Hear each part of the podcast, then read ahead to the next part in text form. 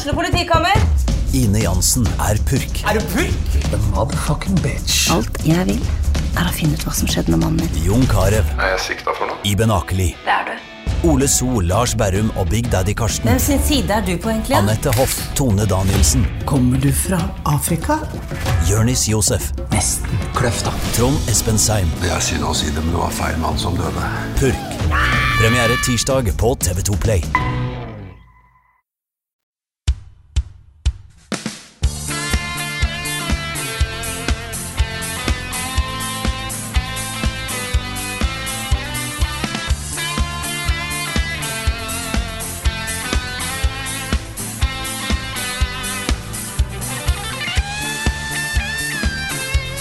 Og mens sommervarmen sprer seg i det ganske land, så har spillverden virkelig begynt å våkne igjen etter en ganske lang vårlur. Nå begynner virkelig eh, alle nyhetene å bare renne inn, og nå starter til og med nesten E3. Nesten etter det er etere. straks i gang. Nesten E3 i gåseøyne. Ja. For det er, det er jo ikke E3 heller. Nei, det er jo det. Det er derfor jeg kaller det nesten E3. Ja. Ja. Så nå På en har måte nest, nesten, nesten E3 starta. Ja. Yes. Yes. og dette her podkasten Level Backup med meg, Frida Danmo. Med meg i dag har jeg Karl Martin Hogsnes og Rune Fjell Olsen. Jeg håper å si nesten eh, live inne fra Altså dere to, i hvert fall, inne fra vårt flotte kontor, så nå begynner jeg å få ganske mye kul artwork. Ikke helt på veggen ennå, ser jeg, men opp mot veggen. Opp Ja. mot veggen. Vi Yes. trenger Altså- litt flere bilder. Ja. Altså bak, bak oss nå så er det et nydelig innramma Melania-bilde. Oh, det er så fint det bildet, altså. Det er veldig fint. Og vi, vi har mer kunst på vei, tror jeg. Mhm. Så det kommer, kommer mye bra, altså. Men jeg syns Walt of Glass-bildet òg er flott. Ja, det er, Ja, det er kult. Det kjempekult. er veldig kult. Og så er det i tillegg også, det er jo en sånn reward da, på Bungie Store. Ja, det er Walter Glass. Ja, mm. Det er en reward på Bungie Store, for jeg husker ikke hva Du er sikkert for å fullføre Walter Glass eller et eller annet innenfor første uka, eller jeg husker ikke hvordan jeg kunne få kjøpt det, men jeg har kjøpt det der, da. Mm. Så det er liksom artwork fra Walter Glass. eh, siste, siste rommet der. Er, jeg er veldig glad i det bildet. Hvis du lurer på hvordan det ser ut, så har Rune posta det på litt sosiale medier. På eh, Instagram-kontoen til Level Up, eksempel. Så ta og sjekk Yes. det ut her hvis du er interessert. Mhm. Før vi fortsetter dagens podkast, som vi skal spilles inn i to segment, fordi det er en pressekonferanse i kveld. Det er jo eh, Sony som har en liten eh, State of Play i dag. Uh, Oh yes. Mm. Men eh, før vi fortsetter i, i, i hoveddelen av podkasten, så er det nok en kort ting som skal eh, bare plugges og nevnes, Rune. Ja, eh, det skal ha kommet på en liten sånn jingle i starten av denne podkasten, hvis du hører den på Spotify eller iTunes eller via RSS, da, eh, Google podkastspilleren eller hvor som helst, liksom. eh, hvor det blir informert om en eh, ny app som Moderne Media står bak. Moderne Media er vår publisher, det er de som selger annonser i denne podkasten for oss. Eh, hvor man kan betale for å høre podkaster uten reklame. Eh, og tingen er at vi er jo på en måte med i appen, eh, og du kan betale for å høre også vår podkast uten å høre reklame, men vi har gitt klar beskjed til moderne media om at det er helt uaktuelt for oss å legge podkasten vår bak en betalingsmur. Så, så den er fritt tilgjengelig på Spotify og iTunes og alle andre steder hvor du hører den i dag, vil den fortsatt komme ut. Akkurat som før. Akkurat som før. Og på YouTube også. Og på YouTube. ja, så du trenger ikke å, å mm, eh, forholde deg til dette her på særlig annet vis enn at dersom du syns reklamer er plagsomme, du syns ikke de flotte reklamene vi lager f.eks. er morsomme Det er lov å synes det. Ja, Det er lov, det. Det er lov å bli skikkelig skikkelig sint hver gang vi prøver å være morsomme i sånne reklame... Ja, det er det. Mm. Og så er det grenser kanskje for hvor morsom det er tiende gangen du har hørt den, men Ja. eh, Ja. Jeg tror den taper seg ganske fort. nei da, den er morsom resten av livet. Okay. Men uansett, da, dette er jo en, eh, en eh, ny satsing fra moderne media som, som jeg syns er litt spennende, og så en litt sånn motvekt da, til, til de andre svære gigantene som starter sånne lukka betalingstjenester om dagen. Um, så, um, eh, så vi er egentlig bare positive til, til hele greia. Og så er jo tingen det at vi vet jo, det er en god del av lytterne av podkasten vår som backer oss på Patron, og som det er på en måte deres form for brukerbetaling for podkasten. Um, fortsett gjerne med det.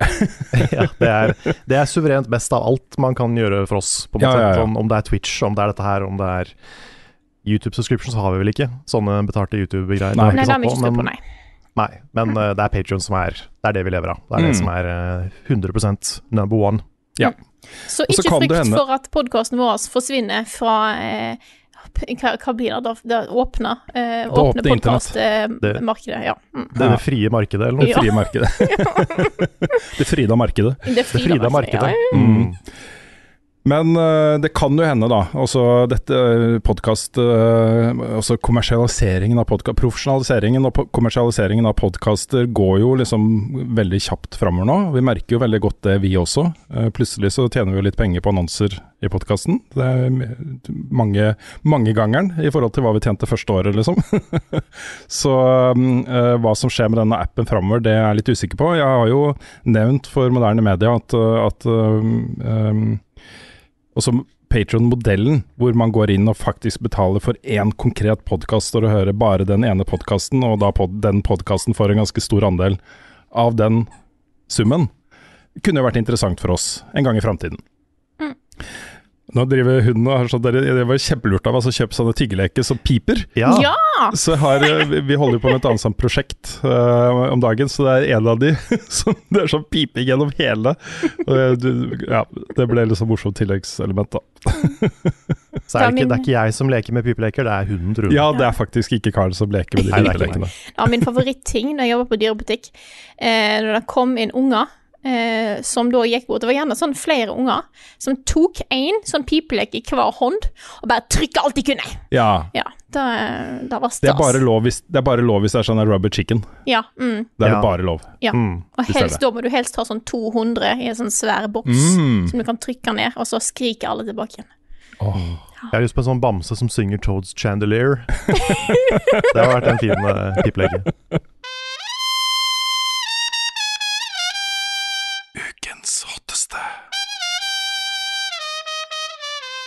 Nå har vi hoppa ganske mange timer fram i tid. Vi hoppa så langt fram i tid at eh, Frida har gått og lagt seg. Ja. Uh, og for å uh, bøte på det, så har vi henta inn to midlertidige vikarer, som da er med nå, men ikke i resten av podkasten, nemlig Nick og Svendsen. Halla! Det er en Halla, faktisk gutter. eh, little known fun fact at hvis du uh, kombinerer Svendsen og Nick, så får du én Frida. Ja. Det er, det er nå canon -hmm. for Level Up Law. Det er det. hvor kul Frida er, da. Mm. Ja, det gjør Men vi har jo da er sittet oppe Vi har da sittet oppe og sett State of Play fra PlayStation. Uh, og ukens hotteste er jo uh, den pressekonferansen. Og vi visste jo på forhånd at de skulle vise fram uh, tredjepartsspill. Altså ikke sine egenutviklede spill, men da fra andre utgivere. Pluss PlayStation VR 2-innhold.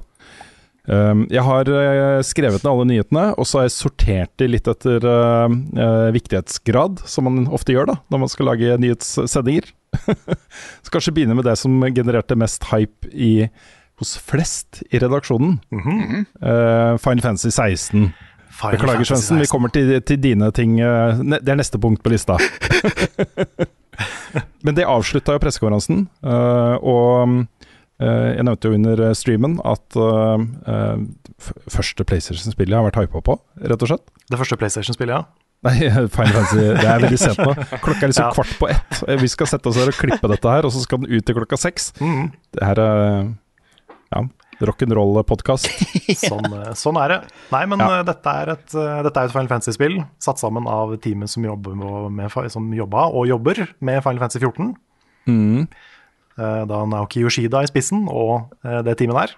Og de er jo kanskje de flinkeste som jobber med Final Fantasy akkurat nå. Så jeg syns det er veldig spennende at det er de som jobber med 16. Og det er jo, de er gode på historie, som er viktig i et Final Fantasy-spill. De siste åra har Final Fantasy vært litt mer sånn opp, opp og ned, litt mer shaky på historiedelen, syns jeg. Mm. Men uh, dette her ser lovende ut. Dette er en middelalderhistorie.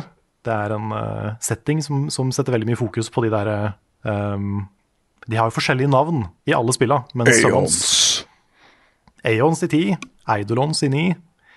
Så heter de vel Espers i sekseren, og det er mye forskjellig. Men det er da de Summon-monstrene, som er liksom Ifrit og Shiva og Bahamut og alle disse her. Odin. Odin er jo der, selvfølgelig. Han er uh, fast følge. Så eh, det, det var kult å se noe fra det igjen. Vi har ikke sett noe fra 16 på hva blir det, to år? Er det såpass? Det er, det er såpass, for det ble, det ble vist for første gang da PlayStation 5 ble kunngjort. Men Så det er kanskje enda mer. Mer etter det. Nei, det er det vi ikke har. Har vi ikke det? Det har bare vært den ene gangen. Så Jøss. faktiske år og dager. Faktisk flere år siden vi har sett Final Fantasy 16. Det har jo sikkert vært litt for å gi plass da, til alle de andre tingene de har lansert i mellomtiden. Final Fantasy 7 og Mm. Dette er eh, Stranger of Paradise-spillet og Fantasy 14 og Å ja da. Og Forspoken kommer jo også. Ja. og Det er vel likt Final Fantasy-spill, Karl? Det er ganske likt. Mm, Men er det, er det liksom canon Final Fantasy? Nei, det er det ikke, men det er jo Nei. Square Enix og de Ja. Litt, litt i samme gate som Fine Fancy. Nettopp. Skjønner, skjønner. Mm. Nei, jeg syns det så heftig ut, altså. Jeg, jeg ble jo øh, Jeg øh, liker jo den middelaldersettingen, liksom. Det var det som gjorde at jeg ble interessert. Det er, øh, det er, det er mye øh, av andre ting jeg liker i, i dette Final Fantasy-spillet. Mm. Kule bosser og, og sånt. Det er også han eh, lead eh, Hva heter det? Ikke lead director, men han som har hatt ansvaret for kampsystemet i Devil May Cry, Oh, ja. er faktisk involvert i kampsystemet her. Det er kult. Det er spennende. Ja, for jeg, jeg fikk veldig Final Fantasy Skal vi se, det blir eh, 15-feeling over den uh, combaten her. Ja, Har du spilt 7 remake, eh, Svens? Nei, jeg har ikke det Noe. For det er, det er litt sånn som det, men det er enda mer sånn. Ah, So it's pretty good. das ist sexy, bitte. Yes. Jeg begynner å bli litt fan av den, den retningen. altså. Kult. Jeg har alltid likt turbasert, men jeg har ikke noe imot den nye, nye stilen. Sommeren 2023 på Final Fantasy 16, altså. Sommeren 2023. Jeg hadde, hadde et håp om at det skulle komme i år. Mm. Gjorde altså ikke det, Nei. men det er ikke så lenge å vente. Nei. Et år. It shall go. Vi må også vente eh, nesten da, et år på det som åpna showet også. Og det var jo Resident Evil 4 remake Take It Away Svendsen. Ja Oh my tutti frutti, altså. Um, Oh my tutti frutti. Det skal jo sies at før uh, Resident Evil Village kom på banen og rett og slett blåste alle sokka mine Jeg måtte faktisk bytte ut sokkeparken min. Ja, du måtte det, ja. Jeg måtte det. Ja, Til og med Eh, du ikke hadde på deg, liksom? Ja, ja, ja. Wow. Så er uten tvil Resident Evil 4 det spillet jeg har spilt mest i serien. Eh, så mye at jeg har gjort sånn derre Ja, som 15-åring så hadde jeg sånn eh, knife only runs og div i det spillet. Ja, kult. Jeg har, eh, jeg har sikkert runda det over 50 ganger, tror jeg.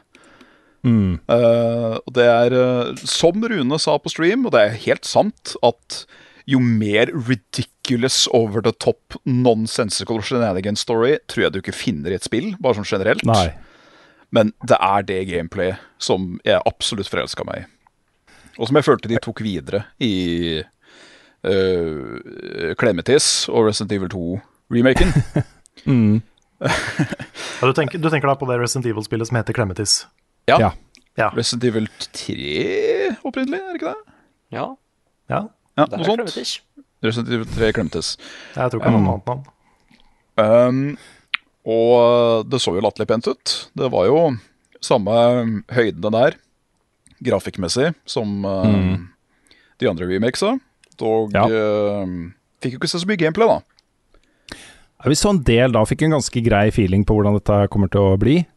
Det blir Um, og du, jeg er jo helt enig med deg, Svendsen. Også gameplay-messig så er uh, Resident Evil 4 veldig bra. Uh, det var jo en, en litt spesielt spill da det kom ut, fordi uh, det ble et sånt skille, da, litt i Resident Evil-fansen, liksom. Som Ja. hadde spilt Resident Evil fra det første spillet, og likte skrekkfølelsen, da. Eh, Som jo var mye mekanisk. At du hadde så begrensa bevegelsesfrihet at det ble skummelt, liksom. Ja. Fordi du klarte jo ikke å snu deg raskt nok til å skyte den zombien i hodet. Nei. Eh, eller du bare kameraet kamera skifta vinkel, og der var det jo tre zombier, Ja. ikke sant?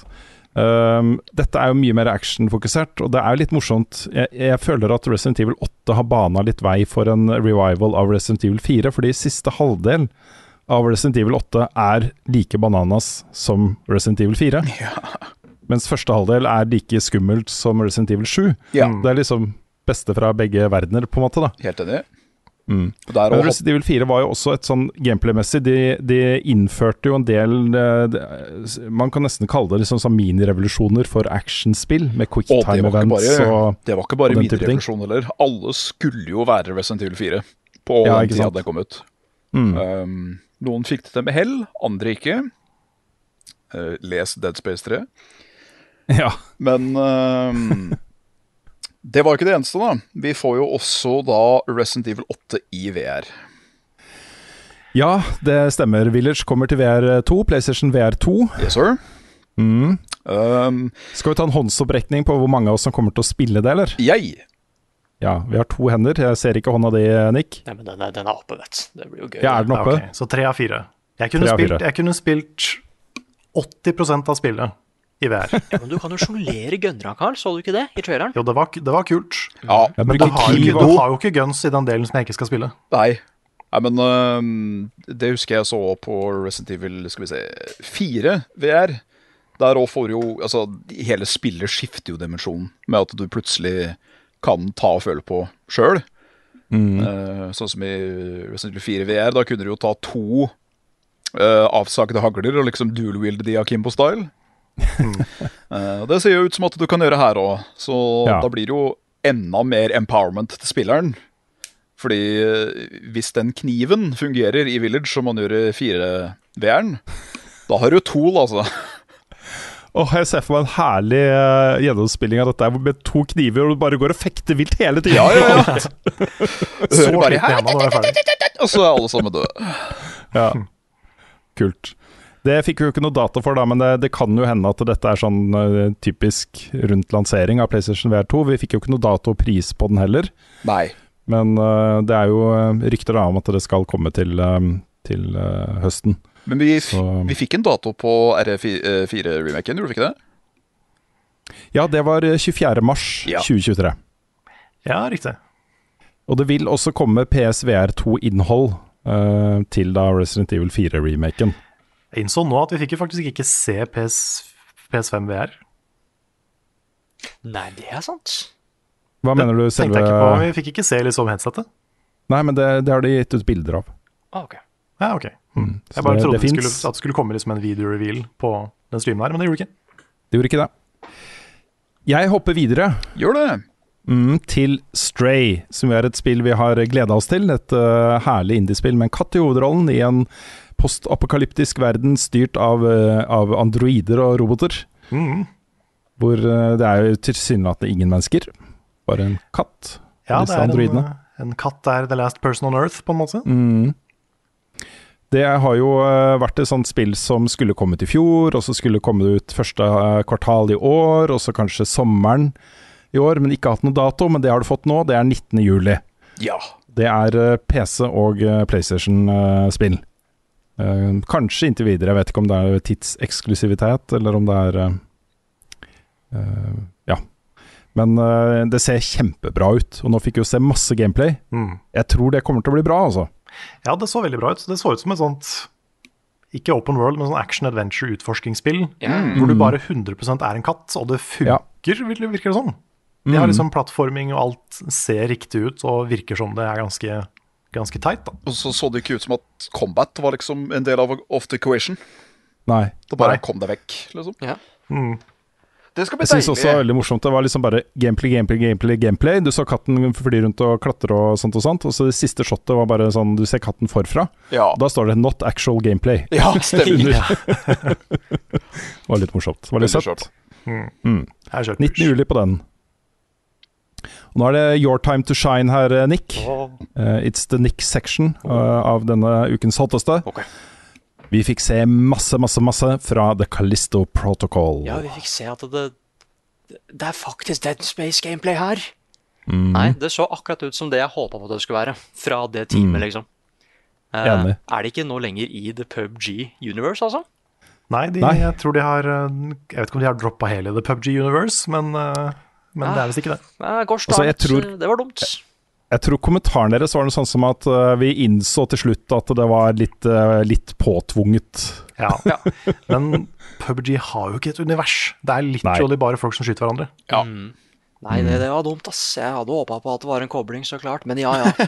Eh, Men nei, det var liksom Det var folk som ble født fra veggen, og det var skikkelig heftig death scene. Det var bare sånn Jeg vil ha et skikkelig action-horrorspill, ikke sant? Ja. Som jeg bare har fått fra Dead Space. Jeg har den itchen der, og det ser ut til å være akkurat det jeg har lyst på. Ja. Nei, Så det så kjempegøy ut. Ja, faktisk gøy, liksom. ja, men også skikkelig skummelt, da. Det må vi legge til. Ja, Ja, det, det så ganske bra creepy ut, ja. Um, Skikkelig science fiction-horror. ja. Det var nok han som ble føda av veggen, som var det ekleste. Mm. For der var det mye, Uh, mye ting som strakk seg, og det var ikke, ikke kult. Nei, jeg, bare, jeg var så spent på åssen det skulle være å spille det, og det, det ser så likt ut som Dead Space. Så da, da, da kasta jeg to penner. Det kommer jo en remake av Dead Space også. Hva tror du om det, Nick? Det, det var ikke på pressekonferansen, da, men det er jo kjent fra før. Nei, jeg liksom eh, De har jo vist faktisk overraskende ganske mye av det òg. Det ser jo bare ut som Dead Space med en ganske sånn overhaul grafikkmessig, Mm. og med lyd og sånn. Men jeg lurer på hva Ja. det liksom vil si at det er en remake. Er det en annen historie? Mm. Skal de faktisk fullføre historien her nå? Ja. Nei, jeg, jeg, jeg, jeg spiser ganske bra som Dead Space-fan nå, ass. Jeg gjør det. ja, det er veldig kult. Jeg tror vi må bare gå litt videre. Um, den uh, siste jeg satte opp som liksom de største høydepunktene, så får dere korrigere meg og legge til ting underveis etter hvert som jeg ramser opp.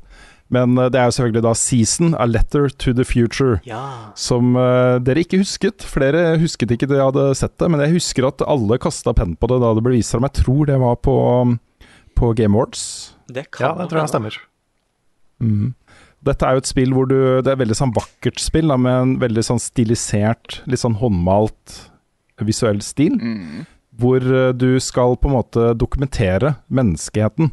Du skal ta bilder og eh, lydopptak og video av liksom menneskelige situasjoner og mennesker og steder osv. Og, og det er jo helt åpenbart at du skal dokumentere eh, dette for ettertiden.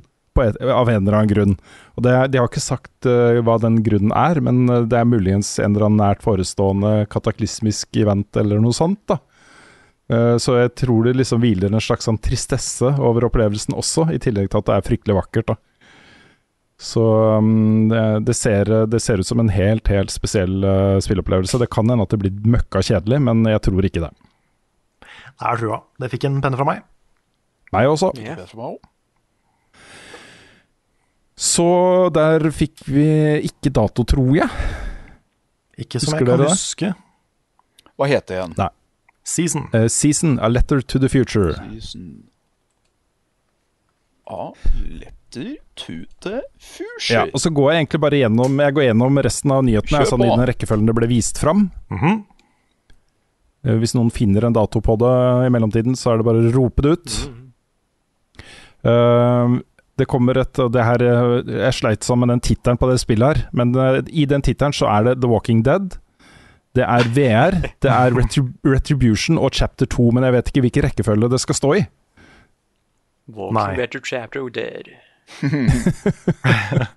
Ja, Et VR-spill, et nytt Walking Dead VR-spill, som da tydeligvis er kapittel to av et eksisterende Jeg vet ingenting om Er det. Er ikke det som også heter Saints and Sinners, eller er det ikke det?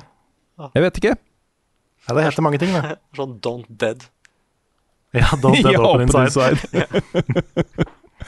uh, dette er jo sånn mininyhet, i og med at dette spillet er jo allerede ute på VR. PlayStation VR, men nå kommer det på PlayStation VR 2 også. No Man's Sky. Og det er et sånn type perfekt, i hvert fall deler av den opplevelsen. Fordi der sitter du mye i romskipet ditt, Mm. og du kan også kjøre rundt i bil på planetene. Du kan ha mounts du kan ri på. Mm. Og så Du beveger ikke beina, ikke sant? og det er jo en sånn stor bøyg da, for uh, adventure-spill i, i VR. At den der følelsen av å bevege på seg ikke er, uh, er litt rar, da, hvis du skal Mm. gå, liksom. Jeg tror vi må, vi må begynne å bare installere sånne tredemøller i alle hjem. Ja, vi fikk tilbud om å få en sånn tredemølle på kontoret. Gjorde du det? av en, av, ja, ja, av en uh, seer. Oi! Mm. Så, Så jeg takket nei, den var altfor svær. Hvor skal vi ha den, da? Å ja, den er for svær. Ja. Ja. Vi har ikke tid til å bruke den heller. Nei. nei, det er veldig Men kanskje vi kunne hatt det et annet sted? I liksom felles Ja, Hos deg? Hjemme hos deg? Nei, ikke hos meg. Ja, ikke hvert fall ikke hjemme hos meg. Nei, nei men sånn i kanskje fellesområdet på kontoret eller noe. Ja. Jeg skal uh, Vi kan ta en liten prat på bakrommet om det, og høre om, om det fortsatt er eh, åpent eh, tilbud. Hmm. Mm. Men uh, all right, jeg går videre. Til eh, Horizon VR, Call of the Mountain, som er en egenutviklet, også en egen Horizon-opplevelse, laget for PlayStation VR 2. Mm. Uh, tidligere annonset, men nå fikk vi da se gameplay fra, fra det spillet. Det er sånn jeg blir ikke helt solgt på de der klass... Altså spill som ligner sånn helt på klassiske, vanlige eh, håndkontroller VR-spill, egentlig. Um, jeg må nesten teste det for å, for å bli solgt, da. Mm. Det er ikke så mange som har fått til det, syns jeg. Nei, det er sant. Uh, I dag er det også en uh, oppdatering til Forbidden West ute. Uh, introduserer bl.a. ultrahard vanskelighetsgrad. Det er en del forbedringer av det visuelle. Du kan redistribuere skill points, og så kan du velge New Game Plus. Så en uh, ganske transmog. saftig oppdatering til, uh, til Ja, transmog. Transmog transmog. gear. Transmog også. Mm. Det er, virker som et bra tidspunkt å hoppe inn i det spillet nå. Mm, det tror jeg også. Så lenge du klarer å gi, bare glemme at du har spilt Elden Ring. Ja, det er det, da. Mm. Nei, jeg, må, jeg må se på det som en annen type spill. Ja, du må nesten gjøre det. Spillet, his, historien i det spillet er kjempebra. Mm. Så uh, hvis Ja, det er det jeg du har liksom- hørt. Det er derfor jeg vil spille. Mm.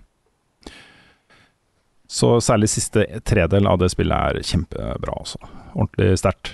Mm. Spiderman kommer til PC 12. august. Ja. Yes. Mm. Skal du modne Det- Nick? Det verste er at jeg skal Ja, ikke sant? Jeg har Ja, jo lyst til å lage det gamle, gamle ansiktet til Peter Parker. Ja, fordi jeg har jo lyst til å liksom lage en klassiker av det en gang. Men jeg vil jo da spille de Mhm. 60 bilder i sekundet. Men ikke med det ansiktet der. så, da, så da slipper jeg å spille det to ganger, da. For å få Ja. cutscene av det ordentlige ansiktet og så gameplay som er smooth i 60 frames. Mm.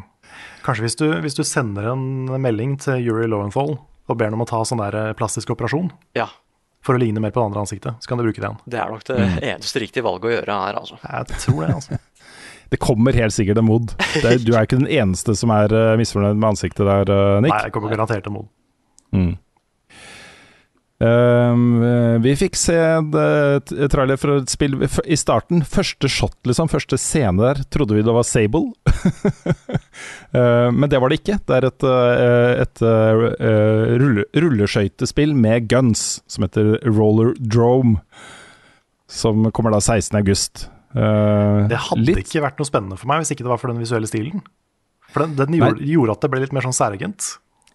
Enig, men du hadde den slow motion-effekten, da. eh, Ja. Hvor du er i lufta, og så ble det litt sånn superhot. Ja, det er sant, det er veldig kult. Mm. Så um, ja, kanskje. Kanskje.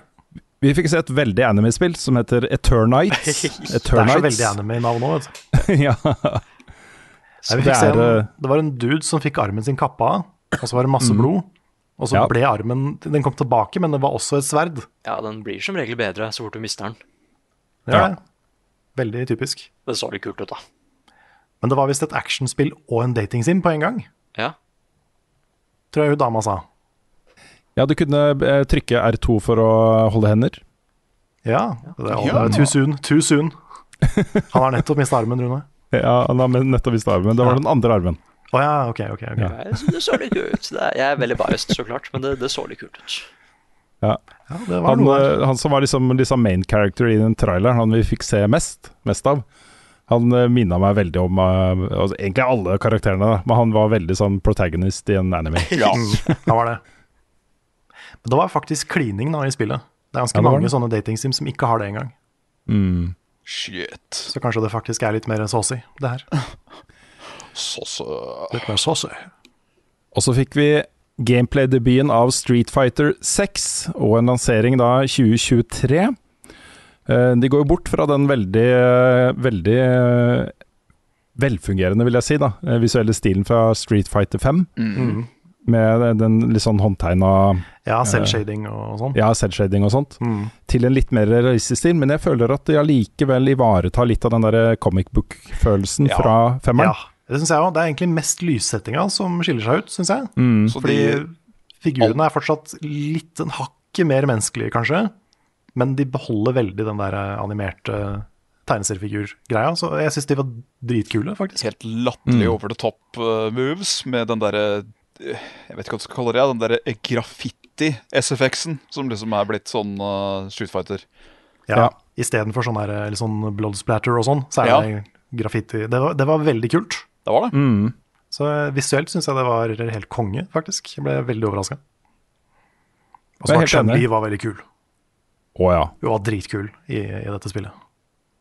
Jeg syns det er litt morsomt, fordi Street Fighter er jo en, en, en, en langvarig serie. Den har levd lenge. Ja. Og jeg, eh, jeg husker jo å ha spilt de første spillene der, liksom. I hvert fall Street Fighter 2, som jo var litt sånn overalt da det kom ut. Og det er, jeg syns det er litt gøy å se på en måte noe som er veldig 2022, eller da i dette tilfellet 2023, innpakkingsmessig. Og hadde det spillet kommet ut i dag med det akkurat sånn som det ser ut, så hadde det vært veldig moderne. da. Mm. Men så kjenner du igjen alle de movesa og karakterene og eh, feelingen, liksom, fra de gamle spillene. Det er en sånn utrolig fin balansegang, da. At de klarer å ivareta det klassiske samtidig som det føles moderne. Så så det er eh, ikke så verst. Jeg ser også at eh, Tekken 7 er det mestselgende Tekken-spillet i serien til nå. Så Oi. eh, tydeligvis er det noe med disse gamle fighting-spillseriene Ja. som fenger den dag i dag. Ja, når får vi nytt Tekken? Det må vi få etter hvert. Mm. Tekken 8. Tekken 8. Det blir vel kanskje Tekken 8. Ja. Eller kanskje det bare heter Tekken. Nei. Eller Tekken The Chronicles. Tekken. Eller Tekken Tag Tournament. Ja. der er den. Ja. Mm. Siste spill som ble vist fram, var da Tunic, som nå kommer på PlayStation også. Ja. Den 27. september. Bra spill. En ny anledning til å spille det som nok trolig kommer til å ende opp som et av årets beste spill, er min lille spådom på det. Det, et, det er et fantastisk eh, bra spill også, så um, Hør, hør. bra det får et større publikum. Mm. Skal vi eh, runde av med det? Og si at vi går videre i podkasten. Den er lang nok som den er, folkens. Dette er en beefy uke med podcast, altså. Oh, ja. Så uh, strap yourself to a chair and enjoy. Mm. Du trenger ikke å gjøre det. Du kan bare sette deg ned og bare ta deg en kaffekopp eller noe. Det er koseligere. Ja. Så kan dere tenke på når du hører den podkasten at nå er klokka da ti over ett. Det er bare Det er under fem timer til podkasten skal publiseres. Mm. Her sitter vi altså. Her sitter vi. Hva vi ikke gjør for å ha en eh, nyhetsaktuell Ja, podkast. that's dedication, altså. Mm. Yes. Eventuelt and det denne ut med. Yes. Yes. Da går vi bare rett og slett videre. Hva har du spilt i det siste? Før jeg gir ordet til, eh, til Carl, så vil jeg bare komme med en liten eh, Elden Ring-update. Jeg driver jo og spiller Elden Slow Ring. Eh, sakte, men sikkert. Og nå kan jeg, for å stjele eh, Carl sin vits, Radan er nå Radaon. Ja. Nice. det er bra. Så det, Det er bra. dette, det kommer seg. Ja, da har du tatt tre demigods. da har jeg. Ja, Mm. nice. Så nå Nice, er det, ja, det, det går eh, framover. Jeg- Og jeg møtt en gargoyle som var noe dritt. Ja. For det var den som ikke bare var én av. Ja, ikke sant. Jeg skulle til å si det, hvis du sliter med én, så kommer det etter hvert to. Ja, for én gikk liksom veldig greit. Mm. Og så var det ikke én, det var to. Ah, var to. så Så du er nå- der. Ja, så jeg bare skippa den litt, jeg. Du er nok litt uh, underlevela for det Jeg det området, Frida. Jeg tror nok det, eh, men det var verdt å prøve. Og Mm. så sa jeg fuck you, og dro videre. Så da eh, Men når du tar den bossen, Ja. ta så, ta så utforsk det området litt etterpå. Ja, ikke bare, ikke, ikke bare dra derfra. Nei, jeg tenkte bare greit å gi en liten update. Det er, det er Jeg skal bli ferdig. Det er planen. Jeg skal bli ferdig. Innen topplistene for uh, 2022. Og definitivt. Jeg har jo, Nå er det kanskje litt mer tid Du, ferien Fernet. Da er det mye soundtrack fra sida her, altså. Hun gir seg snart. Ja. Hun gir seg snart. Det er lyd, vet du. Det er så spennende. Ja. Men da har jeg fått tatt min eh, lille Ellen Ring-del og gi ordet videre til Carl, Karl. Vær så god. Takk, takk. Nei, nå er det jo litt sånn stille på utgivelsesfronten om dagen. Mhm. Siste ukene har det vært ganske tørt. Så jeg har tatt et lite blikk tilbake på ting som har kommet tidligere i år. Og kan jo først, da eh, Det er flere ting, men jeg kan først nevne at jeg har runda Kirby. Nice. Kirby and the Forgotten Land. Mhm. Um, det tok seg opp. Jeg, var litt sånn, jeg syntes det var veldig koselig og veldig sånn gøy i starten. Men jeg hadde ikke helt motivasjon til å på en måte runde det. Det var sånn, Jeg spilte noen jeg og sa ja, dette er koselig, men det engasjerer meg ikke sånn voldsomt, liksom. Ja, for det er der jeg er fortsatt på, da. Ja, Mm. Men det tar seg opp, altså, etter hvert. Spesielt rundt sånn verden fire, så tok det seg veldig opp for meg. Nå kan til og med jeg høre dette her. Ja, Ja. um, du skjønner at det er så gøy å leke med sånn, sånn pipe. Jeg skal prøve å finne en leke som ikke piper. Jeg tror det er lurt. Ja, jeg tror det er lurt. Men um, Nei, jeg har jo da runda det, og det, det som er litt sånn gøy med Kirby, ofte, det er at de, de spilla er jo superkoselige, men de har ofte en sånn dark twist på slutten. Mhm. Sånn siste boss i Kirby er alltid litt creepy, og det er ikke noe unntak her. Det var faktisk veldig creepy. Det var nesten litt sånn der uh, uh, Undertale neutral Hmm. creepy mot slutten. OK. Så eh, det var litt sånn spennende. Shit. Jeg jeg, tror det- jeg, jeg, tror jeg eh, skal prioritere å få meg, eh, få meg Kirby før året onda. Onda? Mm. Omme. Omme er ordet jeg så etter. Yes. Før året er omme, ja. Ja. Mm. Yes. Men uh, det er jo også et uh, overraskende svært postgame i Kirby. Så når du har tatt siste boss, eller det du tror er siste boss, så er du absolutt ikke ferdig. Fordi det kommer rulletekst og sånn. Men både historien og eh, spillet fortsetter etterpå, med, liksom nye, med en ny verden og, og greier. da. Hmm. Og da kommer jo da den egentlige siste bossen. Og så etterpå så kan du ha en optional fight mot en hemmelig, hemmelig siste siste boss. Og den har jeg ikke tatt ennå, for den er sånn super endgame. Den er veldig vanskelig. Shit. Men jeg, jeg merker på de siste fightene, for de er veldig lette, de første. Prøver å ikke bli distrahert. Eh, de er veldig enkle, de første bossene, men etter hvert så begynte jeg mye mer. Jeg brukte ofte det der sverdet som, eh, som eh, du får ganske tidlig, Mm. som du kan upgrade og sånn etter hvert. Det finnes jo fire forskjellige versjoner av det sverdet. Oi. Um, men jeg brukte det mye i bossene, og så måtte jeg etter hvert dodge ganske mye. Og så slo det meg liksom midt i en ganske vanskelig fight. Så dette her er, nå har jeg prøvd et par ganger. Jeg har dodga masse, bruker sverd. Dette er jo Elden Ring. Nei. Så nå, nå sitter jeg og spiller Kirby Ring, altså. Kirby Ring? Ja. Kirby Ring. Uh, og det Det er faktisk ganske kult når det blir litt vanskelig, for da må du på en måte lære deg kampsystemet, og det er jo Det er jo ikke, det er ikke på Souls-nivå, det er ikke det, men det er liksom litt action og litt sånn gøy å få en mestringsfølelse i det òg. Mm. Så Det um, er den her eh, altså, det, Jeg hadde jo ikke trodd at Kirby skulle være en Souls-like.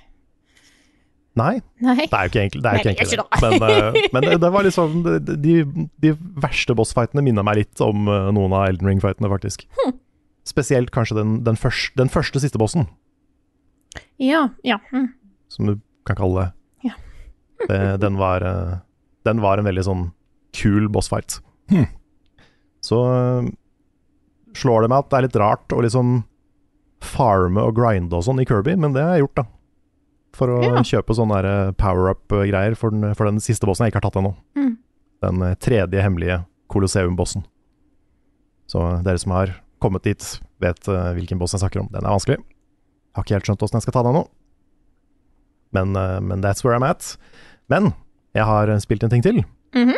Og det her var et spill som plutselig poppa opp på radaren min uh, i går. Litt sånn uh, Litt sånn tilfeldig, egentlig. Skal jeg bare, Før jeg sier navnet på det, skal jeg bare finne en link her. Hvis ikke det tar Kjempe Nei da, der var den. Der var den. Og så skal jeg poste den til dere på Messenger. OK. Skal vi se. Nå er jeg Sånn. spent her. Og bam. Da skal jeg bare sette på den, eh, litt sånn uten lyd, mens jeg prater. Ja, så bare vent litt. Den datamaskinen her er utrolig treg iblant. Mm.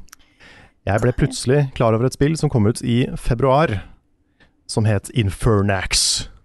Infernax. Dette ser, eh, ser eh, nice ut, Karl. Carl. Ja, og dette er jo et spill som eh, Det, det, det kom et annet spill i februar som kanskje tok litt eh, oppmerksomheten vår. litt, kan jeg, ja. Så eh, det er litt av grunnen til at ikke vi har sett på dette her før. Men jeg hadde ikke, jeg hadde ikke hørt om det engang. Men det er da et veldig Castlevania-inspirert, 8-bit-inspirert spill. Som ser ut som et NES Castlevania, bare modernisert med litt widescreen og litt HD og litt sånn. Mm. Det er overraskende gory for å være 8-bit pixel art. Ja, for da har jeg lagt, meg merke til her, ja. Ja, så Ja. Det, er, det er litt sånn her, Jeg har fortsatt ikke kommet langt nok til å vite om liksom, Er det en grunn til at er det, Har de rettferdiggjort det på noen måte, eller er det bare litt sånn edgelord?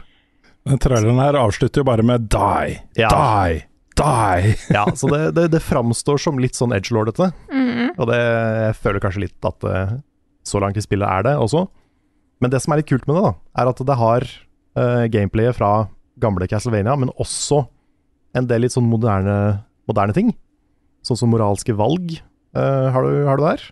Sidequests som dukker opp i en sånn liste, som du får av folk i byer og, og sånt. Så det kombinerer på en måte retro med litt mer moderne designprinsipper, da. Ja. Så det er kult. Og hittil er det et ganske bra spill. Jeg har nettopp fått på en måte The Main Quest, hvor det er sånn du skal samle så og så mange av denne tingen, sånn som i Zelda og alle disse andre spilla. Jeg har tatt én av de hoveddungeonsa, så jeg er på en måte relativt i starten, men jeg har begynt å på en måte skjønne hva spillet er, tror jeg. Og det liker jeg veldig godt så, langt. Så hvis man er liksom glad i retrospill, men også kanskje syns de er litt At de kan være litt vanskelig å gå tilbake til, så er dette her eh, prima. Så eh, veldig positiv så langt. Det så kjempekult ut. Jeg fikk lyst til å teste det selv. Det er, det er stilig, altså. Mm. Og så til slutt, da, så eh, kan jeg nevne et eh, siste spill. Det vi spilte på stream Ja! på, hva var det, på tirsdag. Tirsdag, ja. Da spilte vi Riff Tracks The Game. Hele level up, nesten. Ja, men Det er litt morsomt å spille et spill, og så kommer utviklerne innom uh, streamen. Ja, det litt det har, vi, det har vi ikke opplevd før. Nei. Kanskje med norske spill, det husker jeg ikke, men ikke med internasjonale spill. Mm. Men nei, Riff Tracks eh, kom innom og takka oss for at vi spilte spillet deres. Det var jo gøy. Ja, og informerte litt om uh, framtidige eh, nyheter de har tenkt å introdusere i spill og sånne ting. Mm. Så det var artig. Mm. Men, eh, men dette er da et spill hvor man får sånne korte videoklipp fra gamle, ofte ganske dårlige filmer. ja, det var en Som, spenstig blanding. mm. Som da har liksom litt forskjellige uh, replikker, og så skal du legge til den siste replikken sjøl. Med sånn text to speech. Så eh, da, da var det om å gjøre å være morsomst. Jeg tipper at de klippene er valgt fra et eller annet eh, fritt tilgjengelig arkiv. Altså med, Ja, det er, nok, det er nok public domain. det er det Ja. jeg tenker. Det tror jeg. Men det er jo en av filmene, hadde det jeg sett, faktisk. Den der Oi. Plan 9 from Outer Space. Mm. Vi har jo sånne bad movie nights, og da hender det at disse filmene dukker opp. Mm. Noen Ja. av de ligger faktisk på YouTube som eh, full, fullt sebare. Nice. De er ikke noe bra i det hele tatt, men eh, hvis man liker litt sånn shitty filmer, spesielt eh, sammen med venner, så kan det være gøy. Så fullt sebar er egentlig bare i teknisk forstand. I teknisk forstand. Mm. Ja. Mm. Du kan se den fulle filmen. Derfor fullt. Ja. Ja, mm. Derfor er den fullt eh, og, og sebar kommer til å være i ordboka neste år. Ja. Nettopp. Men jeg synes det, hadde, det var veldig gøy. Mm. Jeg koste meg. Det eh, det er alltid litt sånn spennende å være kreativ på kommando. Eh, Mm. Ja, så har du jo bare, du har bare ett minutt. Egentlig 45 sekunder, men jeg stilte det opp, for jeg tenkte at eh, 45 var for lite. mm, Så, eh, så du må liksom Du må være flink til å finne på ting fort. Ja. Og det er, det er det som gjør det vanskelig. Og hvis du da får liksom the zinger, ikke sant, og får masse Yes. poeng, så Mm. føles det veldig bra. det, var, det var nice å vinne. Mm. Ja, du var jo dritgod, Frida. Jo, takk. Jeg, eh, jeg var litt heldig med litt eh, eh, godt plasserte lydeffekter som du òg kan legge på i tillegg. Da, eh, Mhm. Så fant vi ut at du kan til og med skrive på norsk. Du kan bytte Ja. språket til norsk. Og så blir det norsk stemme på mm. text to speech. Det ble jo Mm. ganske festlig da Svendsen fant ut at du kunne sette på japansk. Det kan du også. Ja. Så det er eh, det, det, mulighetene, altså. Mm, mm. Men, eh, men nei, du, du var jo den eneste som vant to ganger, så Jeg, eh, well done, Frida. jeg fikk the golden toaster. Mm. -hmm. Så tusen takk. Det er kanskje der. Jeg syns det var veldig gøy å spille. Det var ikke bare fordi jeg vant, men det var veldig gøy. Det er alltid kjekt å gjøre sånne Sånne ting sammen med resten av gjengen. Enten det er dette her eller Jackbox eller lignende greier. Det er mm. mye spennende og gøy som dukker opp i sånne streams. det, det er det. Would play again. Mhm, mhm. Er du enig, Rune? Ja, det var kjempemorsomt. Mm. Kjempemorsomt. Uh, jeg, neste gang så har jeg lyst til å ikke være så stressa, fordi jeg, jeg var jo med på første runden. Ja. Og så måtte jeg gå fordi jeg skulle selge en stol for kona. Mm. Uh, og så kom jeg tilbake, og da var jeg liksom uh, midt i, og det var den siste runden, og dere hadde holdt på en stund, og jeg var litt sliten og stressa og sånt. Ja. Så jeg har lyst til å stille meg liksom fullt forberedt til å være sharp, da. Ikke sant. Mm. Jeg fant ut at det var mye lettere å skrive i browseren enn å skrive på telefon. Ja. Ja. Fordi da må du være enda kjappere for å rekke å skrive det inn, ikke sant, på telefon. Så um, Fordel å kunne touch da. det er det. Mm, mm. Det er det. For det som lurer, så er da det spillet veldig, veldig greit å sette opp. Det er bare én som trenger å ha spillet, og eh, hos oss så kunne da Twitch-chatten være med og stemme direkte. Veldig, veldig, veldig enkelt oppsett, virker det sånn. Mm. Det var egentlig noe av det kuleste, fordi dette er perfekt, det perfekte spillet for en streamer. Ja, så det finnes, det, det har jo på en måte blitt en liten egen kategori. Det, det finnes jo andre spill også, hvor du et, eh, et hvor du er- Det er bare Du styrer hver din ball, da, sammen med chatten, liksom. Alle kan ha hver sin ball, og det kan være flere hundre av de ballene. Ja, ja, ja. ja. Ned en sånn der rutsjebane. Mm. Uh, det, det er en uh, veldig kul tanke også, at man faktisk altså det fins morsomme, underholdende, engasjerende spill som er enkle å sette seg inn i, og som alle kan delta i. Både de som streamer og de som ser på. Mm. Det er kjempegøy. Og det som, hvis det er noen streamere som hører på denne podcasten, så det man gjør er at man bare logger inn på en uh, Rifftracks-side, får en kode som du copypaster inn i spillet, og så kan chatten stemme på det beste, den beste replikken rett i chatten. Så du trenger ikke noe app, du trenger ikke noe telefon, du trenger ingenting. Det er liksom bare rett i chatten, og det, er, det er jeg ikke sett før. Så det var veldig kult. Mm. Veldig praktisk. Mm. Så uh, kult spill. Veldig lyst til å spille deg igjen. Tøft. Ja, og mer. Mm. Er det, er det meg, da? Yes. Da kan du ta over. Ja, jeg, jeg må snakke litt mer om Destiny, men jeg har lyst til å starte med en, en, en innstendig oppfordring til Bungie, hvis dere hører på. Da gjør Vær så snill, vær så snill, ikke slipp det neste greiene deres samtidig med noe fra Fromsoft. Please, kan dere være så snill å bare holde det litt unna? Fordi um, i februar, og så bare to dager, tre dager før Elden Ring, kommer jo The Witch Queen. Uh, og det eh, Jeg tror kanskje ikke jeg kom opp i 30 timer eller noe sånt på den expansionen en gang, fordi jeg bare har spilt Elden Ring. Og den er så bra, altså. Jeg har uh, gått tilbake og spilt litt sånn Witch Queen-innhold nå. I forbindelse med nye sesongen som kommet ut. Og jeg har, vet du, jeg har veldig veldig lyst til å gjøre en sånn Film i tull spesial. uh, Destiny 2 The Witch Queen. Få med to stykker fra Level Up i Fireteam. Kanskje deg, Carl og Nick. Jeg er eh, potensielt med, hvis ikke det er masse annet som må dekkes samtidig. Ja, at vi bare gjør det som en stream, Mm. uh, tenker jeg da. Ja, det er lenge siden jeg spilte jo Destiny 2 da det kom.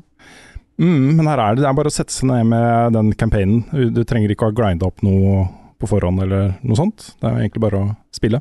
Mm. Og den er så god. Jeg har spilt gjennom hele den campaignen uh, nå nettopp, uh, med en karakter til, da, for jeg har bare runda den én gang før. Det er kjempebra. Uh, så, så det syns jeg vi skal få til. Men uh, nye sesongen som kom nå, da. Jeg hadde jeg snakka litt om den forrige uke, men da var det mye av det innholdet jeg ikke hadde spilt. Uh, først og fremst da, så kom det jo en ny dungeon. samme dag som podkasten forrige uke var ute, som heter Duality. Og dungeons i Destiny, dette er jo den fjerde dungeon de har introdusert, er på en måte et slags miniraid for tre spillere, med mechanics og bosser og puzzles og hemmeligheter og skjulte kister og alt mulig rart. da. Og uten unntak er de helt fantastisk gode, og det er også Duality. Den skiller seg litt ut, fordi det er mye, mye mye mer mobs der. Altså, det er mer å skyte på, vanskeligere når det er underlevela. Men uh, liker den veldig godt også, selv om den er litt frustrerende, særlig siste boss er litt sånn tøff der. Uh, og i tillegg så er det jo et ukentlig mission, uh, story mission, som heter eh, Sever. Eh, og da følger du um, Uldren Sov og hans på en måte forsøk på å forsone uh, seg med den han var før. Og så for nye, nye lyttere, folk som ikke kjenner til bakgrunnshistorien, så var jo Aldrin Sov er jo broren til queen Mara, Mara Sov. Uh, han drepte um, Cade Six, som da Aldrin Sov, og så forsvant og så døde han. Og så ble han gjenopplivet eh, igjen, da, som en guardian. Det høres Eh, ut som en uh, superheltfilm. ja, ja. Uh, under da på en måte nye navnet The Crow. Uh, og i starten så visste han ikke hvem han hadde vært før. Um, og den forståelsen har liksom gradvis kommet inn, da. eh, gjennom introduksjonen av, av um, eh, altså The Witch Queen og alt de tingene som har skjedd nå i- det siste. Og denne sesongen her, jeg syns det er ganske ålreit, altså, fordi den, um, den eh, går skikkelig i dybden på liksom sånne ting som eh, traumer, eh, eh, eh, samvittighet, eh, forsoning uh, osv. Du fokuserer veldig på det han sliter med. Da. Eh, ganske sånn relaterbart for mange, tror jeg. Um, og en, et tema som jeg syns er litt interessant å bli utforska i spill. Da. Det er på en måte ikke bare en en, eh, en, eh, en hook for en story. Det, du går skikkelig detalj på det. Og jeg, Bungie har så gode uh, writers nå, som er så flinke da, til å sette ting uh, sånn ordentlig på uh, Godt beskrevet. Sånn to the point, veldig godt poengtert. Ikke noe sånn jåleri, liksom. Det er bare godt skrevet. da. Uh, og det er skikkelig bra. Og den uh, Sever Mission er jo også noe som du da skal spille liksom hver uke i seks uker, tror jeg, for å få mer story. Så jeg, satte veldig pris på det, syns det er kjempegøy. Og så er også Arm Banner uh, ute nå. Uh, og nå er det jo Rift der tilbake, fra gode gamle Destiny 1 Rift, uh, hvor man istedenfor å spille Control, da, capture soner, så er det en sånn sentral Rift som begge lagene slåss om. Du skal capture den, og så skal du dunke den i motstanderens mål. Da. Så det ligner litt på capture the flag-modusen. Um, det var gøy å spille noe litt annet, uh, og også morsomt at de har reworka hele Iron Banner. Plutselig har det blitt en sånn PVP-modus som har litt mer for seg nå. Så jeg syns Destiny er på et veldig veldig bra sted akkurat nå.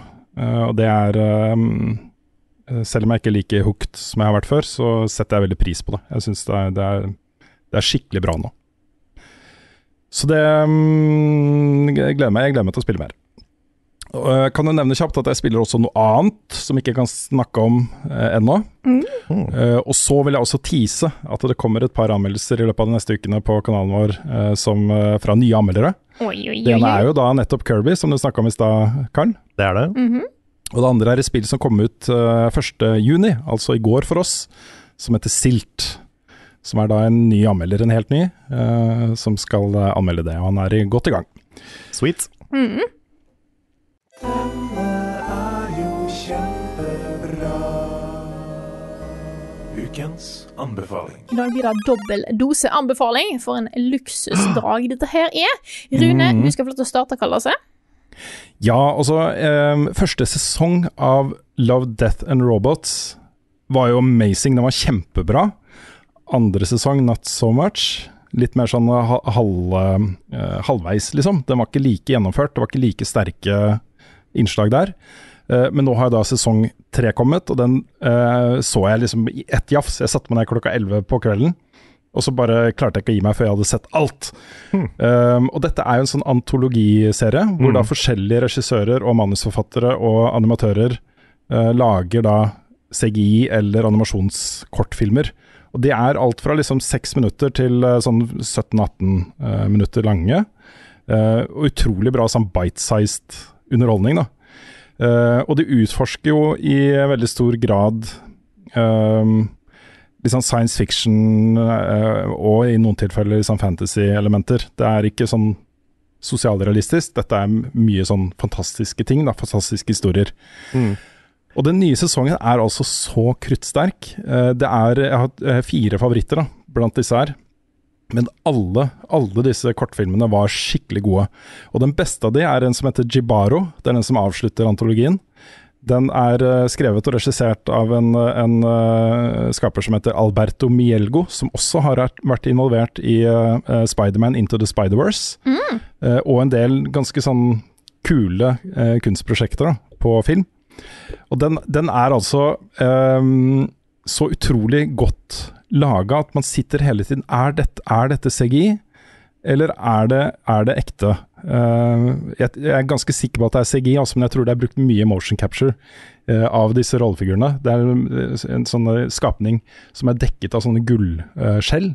som eh, lurer da sånne soldater sånne fra liksom middelalderen ut i et vann.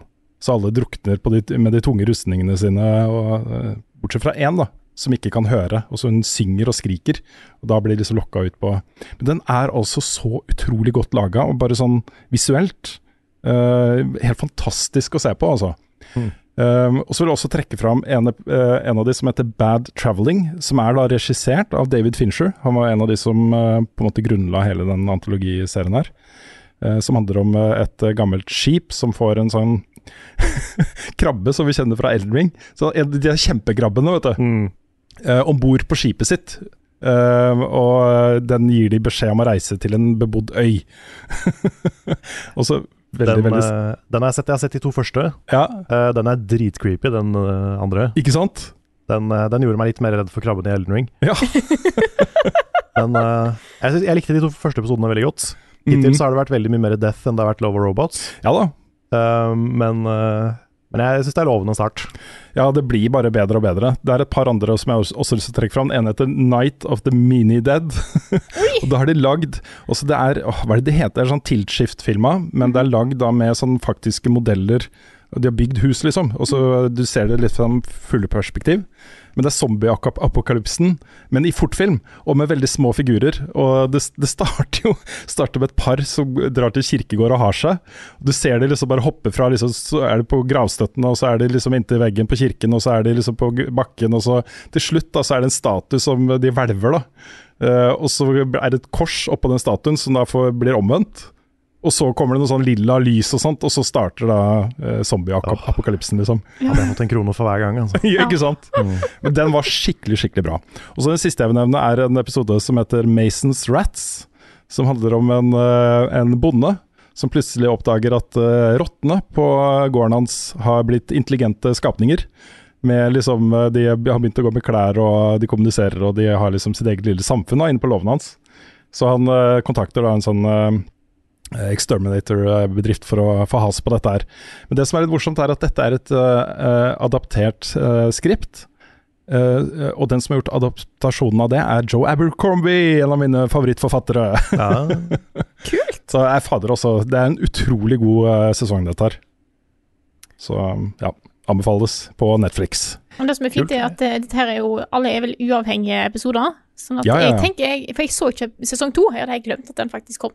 Så jeg skal hoppe rett til sesong tre. Ja, sånn det, det er nok eh, like greit. Mm. Var det ikke noen bra i sesong to? Jo da, det var det også. Jeg bare husker ikke eh, i farta hva de var. De er ikke like minneverdige, like, de er ikke like sterke, liksom. Nei, kanskje derfor jeg ikke husker de. Det er jo en amazing en i nye sesongen også, fra, uh, fra IO, altså månen IO, Mm, mm. Eh, som også var utrolig, utrolig bra, altså. Hvor mange episoder er det her? Jeg føler vi snart har lista alle. Ja, det er ni eller noe sånt, tror jeg. Ja, ok. Mm. Jeg husker ikke helt, åtte eller ni. Ja. Ja. Ja, Jeg jeg, jeg kunne lista alle. Ja. Få resten. oh, yes, nei, men da, Carl, hva er det du har på lager? Nei, vi har jo snakka mye om eh, Bo Burnhams Inside i denne podkasten. Den kom ut for et år siden. Og for å markere at det er ett år siden Inside, så har Bo Burnham lagt ut på YouTube-kanalen sin Outtakes. Oi, er det sant? Ja, jeg Det så er det! sant. Jeg har ikke rukket å sette det ennå. Og det er jo egentlig bare Inside 1,5. Ja, så kult. Ja. Det er nye sanger. Det er eh, masse nye greier som jeg ikke skjønner at ikke var med i spesialen, for det er kjempebra. Jeg har sett noen klipp av en sang der han snakker om hvorfor han har på seg jeans. Ja. Ja. Det er også en eh, sang om en edderkopp Ja. som, er, eh, som er veldig morsom. Det er, det er veldig mange Altså, det, er liksom bare kvalitet hele veien. For og jeg vet ikke om det på en måte Ja, det er helt vilt. Mye av det er jo morsommere enn ting fra Inside. Hmm. Så eh, sikkert bare fordi det ikke passa uh, tematisk eller stemningsmessig inn i, uh, inn i spesialen, sikkert. Men, eh, men eh, kjempebra. Og det er en lang eh, video. Jeg tror den er nesten Er det tre kvarter eller noe sånt? Oi! Så det er jo en, men en minispesial til, på en måte. Mhm. Der skal ses. Ja, den, eh, den må ses. Og uh, igjen, altså, det er så utrolig inspirerende å se hva han fyren her finner på. Han er så genial. Ja. Aleine med lys og uh, mikker og kameraer. Ja, og for, for alle som ikke har sett Inside, da, så er jo det en eh, litt sånn pandemiproduksjon. Hvor han uh, satt inne hjemme aleine og produserte en hel comedy special i, sitt egen, i sin egen stue. Det er jo et ekstra hus på, på Han har et hus ut forbi. Ja, han har det? Ja. Ja, ok. Jeg har sjekket dette her, bare sånn Bor han faktisk der? Og da tror jeg ikke. Jeg tror dette er på en måte et sånn, ekstra Ja, men Du ser jo sånn- det også på slutten. Han går ut av dette huset, og så ser du det egentlige huset hans. Liksom. Ja. Så det er, det er i hans heim, men det er ikke hovedstua vår, tror jeg. Nei. Nei, for det så ganske stusslig ut. Ja. Mm. Så ok, så han har det litt bedre enn han har det Inside. Ja, det måtte Ja, jeg faktisk sjekke opp, fordi at jeg, jeg, jeg, jeg var litt redd for fyren. Ja, man blir litt bekymra for den. Ja. Jeg, det- jeg tror fortsatt det er grunn til det, da. Ja. Jeg tror ikke han har det bra. Men uh, han, er, han er jo sånn multitalent. Han kan synge, han kan skrive, han kan øh, være morsom. Og kombinere alt sammen, ikke sant, i Mhm. disse spesialene sine. Ja. Så, og han har jo hatt en sånn historie med at han begynte som uh, YouTube-komiker da han var veldig ung. Og mye litt sånn der edgy på kanten humor. Uh, litt over kanten noen ganger. Eh, men han har jo på en måte med åra blitt mer bevisst på hva han snakker om, og hvem han er, og hva slags signaler han sender ut, og, og sånn. Og de nyere tingene hans handler jo også litt om det. At han på en måte finner sin nye identitet og eh, ser tilbake med litt sånn eh, kritisk blikk på hvem han var før, og sånn. Mm. Så det er så, det er så sykt interessant å bare følge det han lager. Han Ja. er nok favorittkomikeren min by far. Ja, uten tvil. Uten tvil. Pluss at han, er liksom, han har sånne øyeblikk hvor det blir veldig real. Og det også resonnerer veldig, da. Mye av det handler jo om uh, både det å være på en scene, men også bare det liksom å leve i en moderne hverdag med sosiale medier og hva det gjør med Mm. folk og, og sånn. Jeg husker så godt da vi hadde sånn felles eh, visning av eh, Make Happy, altså den forrige spesialen hans, Mm. på, eh, mens vi dekka etere på eh, Forskningsparken. Ja, stemmer! Mm. Ja, ja. Det var, Det var veldig bra. Det var gøy å se den i, i fellesskap. Ikke sant? Mm. Men avslutningen på den også er noe av det beste jeg har sett. Ah, Ja, den er Den har jeg altså. sett mange Den ganger er, ja, samme her. Mm. Det er sånn at jeg plutselig Åh, ja, så setter jeg på den, og bare den, da. Jeg ser Ja. avslutningen. Den, eh, det er en av ikke sånn kjempemange ting som kan, kan få meg til å grine ganske ofte.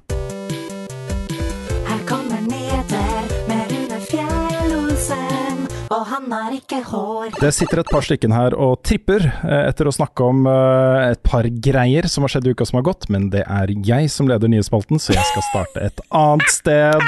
Fy faen. Et annet sted. Dere må vente litt til. Oh. eh, maktfleksing midt i podkasten. Mhm. Yes, men dette er, dette er jo tross alt litt viktigere, da. Eh, Forbrukerrådet, Det norske forbrukerrådet, har jo da i samarbeid med en hel haug med andre forbrukerorganisasjoner rundt omkring i Europa eh, utviklet en lang rapport som de har kalt Insert Coin, som tar for seg bruken av lootboxer og mikrotransaksjoner og pay to win-mekanikker i spill. Og Det er en eh, interessant rapport som jeg anbefaler folk å- som er eh, interessert i temaet, eh, å lese. Den har gått skikkelig grundig til verks, eh, og har massevis av detaljert, eh, eh, detaljerte vurderinger av de meka mekanikkene som vi nå liksom har det, det er sånn et spill er i dag. Um, jeg skal ikke gå gjennom alt der, men de anbefaler jo alle myndigheter å lovregulere lootboxer. Uh, og de har da en, uh, en to, tre, De har fem konkrete foreslåtte tiltak, mynta da på myndigheter og EU som helhet, kanskje. Mm. Eh, og nå har jeg uh, copy-pasta fra eh, Gamer, som er oversatt og sånt. Eh, men da de foreslåtte tiltakene er det må bli forbudt for spillselskaper å benytte seg av villedende og manipulerende design for å utnytte forbrukerne. Når forbrukere eh, spiller, må selskapene sikre at kjøpsavgjørelser ikke påvir påvirkes i forbrukerfiendtlig retning pga. spillets design eller, me eller mekanismer. Dette er jo en sånn kjerne, et kjernepunkt, fordi uh, spillene blir jo i større og større grad nå liksom designa rundt å få folk til å få lyst til å bruke penger på lootboxer, ikke sant. Uh, så det var det første punktet. Det andre er da alle kjøp i spill skal alltid opplyses i ekte eller reell valuta. I det minste må prisen også opplyses i ekte valuta, der virtuell valuta benyttes til prissetting. Og Dette kommer jo fordi eh, hvis man f.eks. går inn i en itemshop i et spill, og det står dette koster 900 eh, spillbucks, og så vet du jo ikke hvor, hvor mye er det, liksom. Så, så mer sånn konkret at dette koster det deg faktisk, kroner og øre, ikke sant.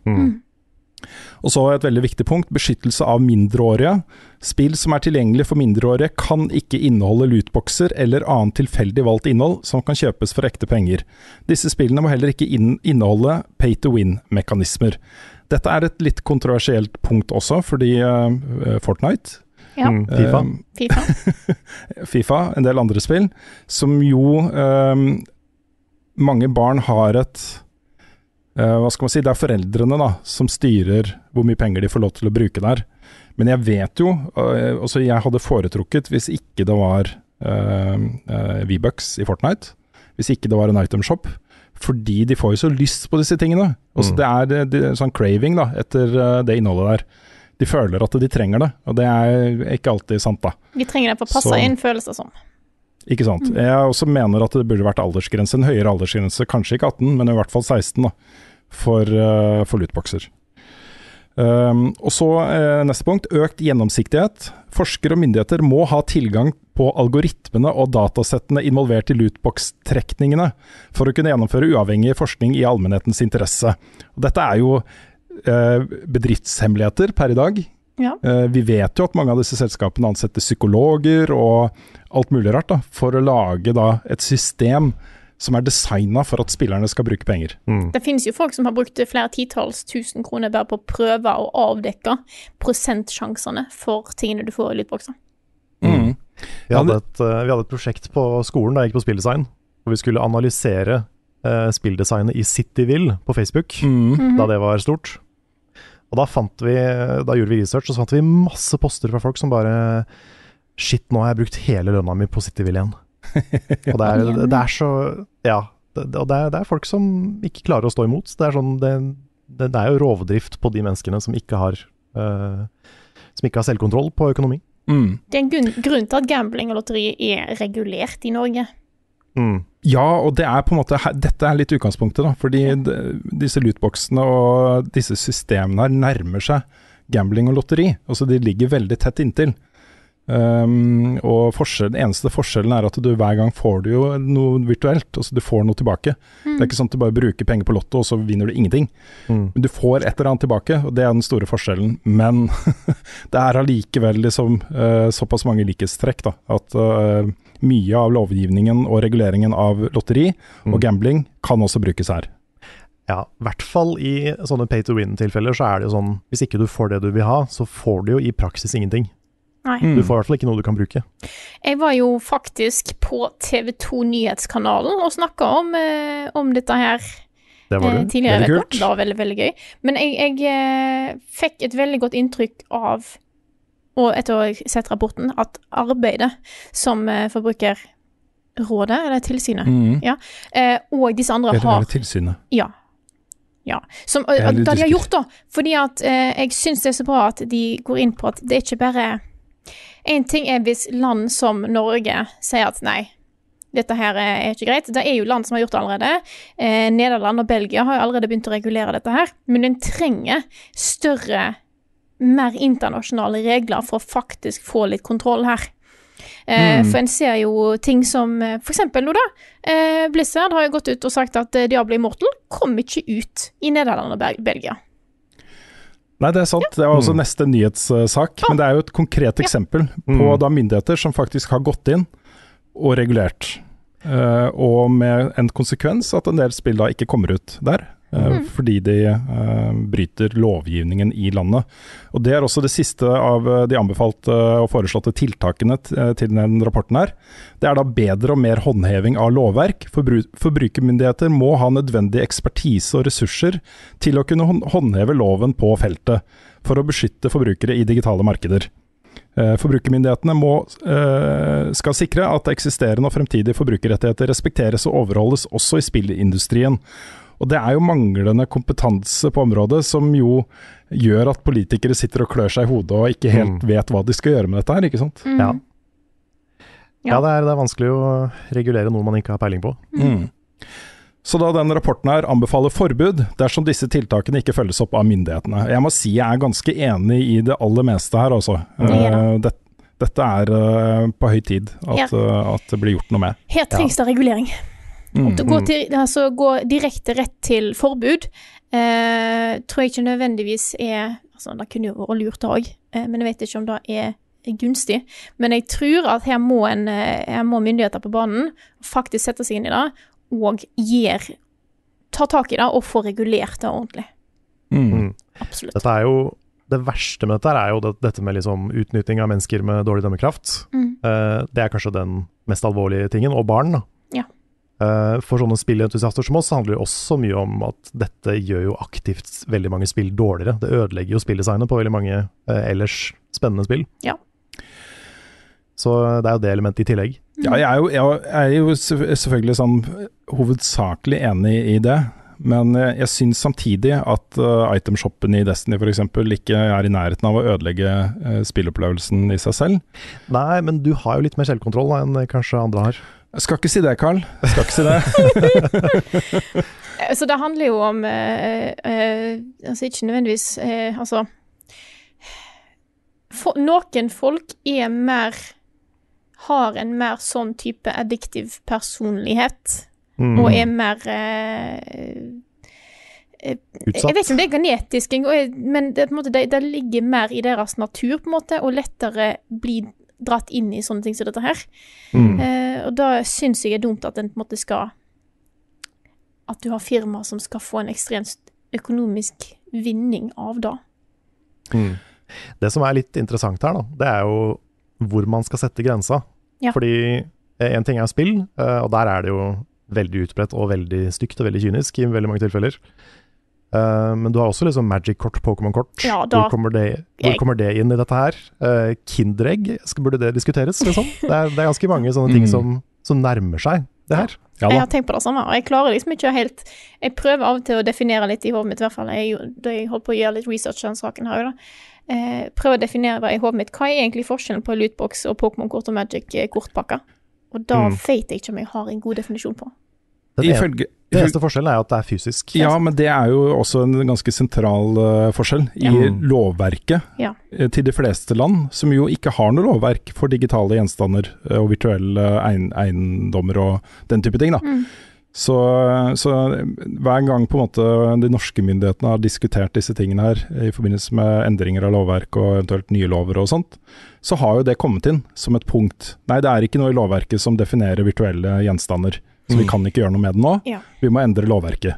Så um, Ja, jeg, er- jeg, for jeg, eh, jeg tror jeg er så godt inne i det at digitale gjenstander kan òg ha en verdi, at jeg glemmer litt Ja, jeg den faktisk eh, Mm. At den, den der um, Jeg skjønner at i lovverkssammenheng så er akkurat den, den betydningen der når det ikke er definert, så skjønner jeg at du får en forskjell. Det gjør jeg jo, men, eh, men sånn ellers Mm. sånn. Men det funker jo ikke i 2022 å, å se det på den måten. Nei, og ikke, i hvert fall ikke i 2030 eller 40 eller 50. Dette her må eh, myndighetene verden over begynne å se på, altså. Mm. Eh, Våre virtuelle liv. Det å regulere det og, lo og ha et lovverk som også inkluderer det. Uh, ikke bare når det gjelder nettrakassering og, og den type ting, som jo er, uh, har kommet inn i lovverket. Mm. Uh, men også på hvordan vi eh, omgås og eh, eh, hva vi kjøper og selger og, og den type ting. Da. Jeg føler dette har fått eh, løpe løpsk litt for lenge nå. Mm. Og Du ser jo det på bunnlinjen til alle disse store selskapene, hvor stor andel av inntektene deres som nå kommer fra mikrotransaksjoner og lootboxer. Mm. Så er det jo, jeg forstår jo at, eh, at man eh, gjør en businessvurdering om at dette skal vi gjøre. Ja, de tjener jo ville penger på det. Ja, det er helt, helt Sånn crazy. Hvor mange milliarder dollar var det jeg hadde i fjor? Var det 1,5 milliard dollar? Og det, det stiger jo overalt av spillsalg og sånn på de som er verst på det. Mm. Jo da, 1,6 milliarder dollar fikk ER på Ultimate Team i 2021 fiscal year. Ikke Ja. sant. Så det, det, det det er lov å håpe på, da, det er jo at mange nok land innfører sånne restriksjoner, sånn at det ikke blir lønnsomt lenger. Mm. Og så kan uh, spilleindustrien uh, Da må vi sparke halv, halvparten av de ansatte, og så blir det uh, jubalong på det også. Ja da, altså det får konsekvenser, men, Ja. eh, men de må, da må de finne en annen forretningsmodell. Yep. Som ikke utnytter Lage mennesker. faktisk innhold folk er villige til å betale for, kanskje. Ja, for eksempel. -hmm. Er, ikke, ikke det fint? Ja, det hadde vært ålreit, det. Mhm. Ja, Da har vi for så vidt vært eh, sånn kjapt innom eh, neste nye sak, da, Diablo Immortal, som er ute denne uka her, eh, til mobil. Og så kommer det på PC nå i helgen, etter sånn jeg har forstått det. eh, I sånn Early Access-modell, eller sånn eh, tidlig, tidlig versjon. Ja, ok. Ja. Ja. Ja. Um, som da ikke kommer ut i Nederland uh, eller Belgia. Jeg har ikke spilt det selv, men jeg har sett noen eh, folk uh, snakke om opplevelsen av å spille det. Og flere sier jo at det er et, et bra Diablo-spill til mobil. Jeg syns det er også selve spillopplevelsen, at det har fått til den ganske bra. Mhm. Eh, at det også skiller seg litt ut fra andre lignende spill på mobil, ved å innføre en del nye mekanikker og den type ting. Men at det da i bunn og grunn er et uh, godt uh, tilpassa mobilspill. Det som er litt interessant, er at uh, man kan jo gjøre f.eks. dungeons med uh, randoms over internett på mobilen. Eh, når du kommer da og har tatt siste bossen, eh, så er rewarden er at du får lov til å kjøpe items Nei! i, i shoppen. Altså, du får rewards også, men det kommer opp da en egen, egen sånn uh, meny, ikke sant. Vil du kjøpe dette, dette, dette fordi du har fullført dungeon, så kan du gjøre det, ikke sant. Ja. Ok, jeg trodde du ikke fikk rewards da, det var helt krise. Ja, ok, greit, men likevel. Så, Ja. er, så det er litt som å Du må løse et kryssord for å få lov å komme inn på Ikea. Ja, litt sånn. Og så har jeg vel holdt dere på pinebenken lenge nok. Vi tar et spørsmål fra Tony Flaten, som right. lurer på hva våre tanker rundt eh, Pokémon Red and Blue, M, jeg mener Scarlet and Violet, er. Og kan jo ta litt eh, de største punktene da, fra nyhetssaken, fordi Pokémon Scarlet og Violet eh, ble jo virkelig avduka i uka som gikk. Eh, det er lansering 18.11. eh, og for første gang en fritt og fri, åpen verden. Man kan utforske akkurat som man vil. Man blir ikke liksom begrensa til separate områder. Og du, nei, du kan bare være her i dette åpne området, men ikke i det neste, liksom. Fri, åpen verden du kan utforske fritt, sammen med tre venner. Ja. Ja, det er sant. Så dette dette er hovedforskjellen på, på dette her og Arceus også, Mhm. som var en ganske åpen verden, uh, det òg. Men forskjellen er at her kan du gå hvor du vil, selv om de ikke har kommet hit i historien. Og det kunne du ikke i Arceus. Det er helt klart at de har lært mye fra Arceus i utviklingen av Scarlett og Violet, da. Mm. Mm. Men, de jeg- har fortsatt ikke, tror jeg, bekrefta om du kan liksom bare i real time sikte pokerballer og bare fange Pokémon. Som du kan der. Jeg tror kanskje ikke du kan det, og det Nei. er litt synd. Jeg er litt spent på det, altså. Og så er jeg òg litt sånn Når du spiller sammen med venner, er det sånn at dere da låser opp hver deres ting på en måte individuelt? Eller Jeg tipper co-open er begrensa til utforsking. Ja. At du, du kan utforske worldmappet sammen, liksom. Men Ja. så fort du kommer inn i byer, så må du kanskje spille aleine. Jeg vet ikke. Jeg vet ikke veldig, heller. veldig spent på å se hvordan det blir, egentlig. Mm. Det er, jeg mener jo at hvis, hvis du ikke, også hvis det er en veldig sånn klar begrensning på hvor du kan spille co-op, og de ikke har sagt det nå, så tror jeg de kan få en liten backlash på det. da.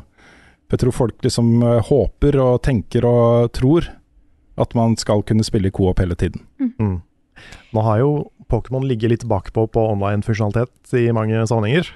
Sånn som i Sword of Shield, så var det, det var noe sånn der du kunne se andre spillere og sånn, men da gikk jo frameraten ned til 10, og så, og, og så var det egentlig bare choppy og lite innhold. Ja. Mm. Så jeg håper jo de har lært litt siden da. Mm I hvert fall med tanke på at Switch har jo betalt online, så da burde det være litt bedre. Mhm. Nå har vi jo òg fått Men. sett de nye Her er det jo for første gang, tror jeg, eh, de professorene du har, er forskjellige fra spill til spill. Og de er griseheite. Begge to. Ja. Det er De, de ser flotte ut, de gjør det. Også, Ja, det gjør det. da jeg så eh, Det var noen som hadde lagt merke til at navnet til disse her eh, betyr på, på spansk Henta fra liksom fortid og framtid. Eh, så det er helt klart litt der, da. Du ser jo på legendariesene at den ene, den som hører til Scarlett, er litt sånn maskin-industriell-aktig. Veldig Er litt digital. Hm? Nei, nei Scarlett, eh, Scarlett ja. Mens den andre er digital og fancy og, og Mm. lilla og greier. Mm. Jeg liker veldig godt designet på de to. Ja, jeg òg. Syns er kult. Koraidon og Miraidon. Ja, Riktig. Du har, det, du har det klart. Og så må Mm. vi snakke om LeChonk.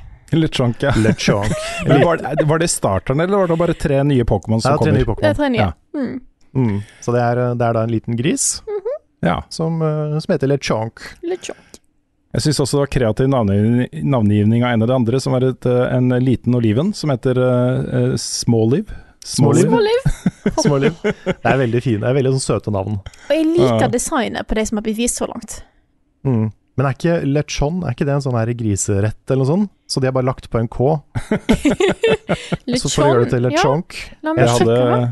Ja da. en Eh, Ja. Lechon, da er eh, Da er roasted suckling pig eh, på spansk. ja, ja, fordi dette er jo en region basert på Spania. Ja. Jeg lurer Og- på, Gamefreak har de sånne møter hvor liksom hele teamet sitter, og så har de en tavle hvor de bare kaster ut brainstormer, ideer, og så bare folk ser en ting. Ah, kopp! Ja, ja, det har de helt sikkert. Ja, ja. Men, men jeg tror også de er For de er veldig flinke til å finne på Pokémon basert på de regionene de, eh, de er satt i. Mm, mm. Mm. Sånn som dette her, da, som er liksom en spansk greie. Derfor så lager vi en spansk gris som heter lechonk. Ja. Og det er, det er gøy. Jeg syns de er kreative på det. Ja, det jeg syns, jeg har blitt flinkere. Det var en, det var en eh, Jeg vil si at vi var i en liten sånn Dark Valley eh, på Trubbish og Kling Klang og Kling Klang. Ja, men, men Trubbish har jeg blitt litt glad i. Ja. Fordi han er så, han er så stakkarslig. Ja, det, er- det, ok, jeg er enig da. Jeg syns fortsatt Kling Men- Klang og Kling Klang er det dummeste. Ja, de er, de er litt eh, De er ikke så bra, Det er ett, to og tre tannhjul.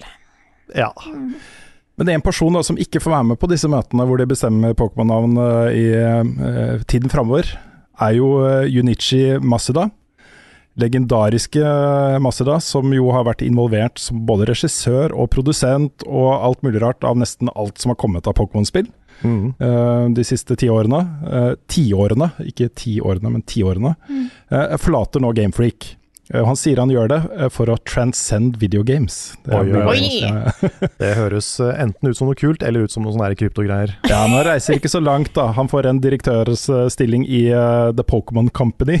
Okay. Ja, ja, for han skal jo, det er jo en forfremmelse, på en måte. Han Ja, ja, blir jo sjef for hele Pokémon-franchisen. Ja, det sammenlignbare, sammenlignbare her er jo at det er flere av de folka jeg jobba med, mellomledere og sjefer i VG, som jo har blitt flytta til Skipsted ikke sant, som direktører for Mm. forskjellige ting. Så det er litt, det er litt der da han får litt mer sånn derre overbyggende for hele franchisen-type stilling. Ja, jeg tror Ja. han blir litt sånn som Kevin Feige er i Marvel. Ja. At, at han på en måte blir sjefen for Pokémon som helhet, Mm.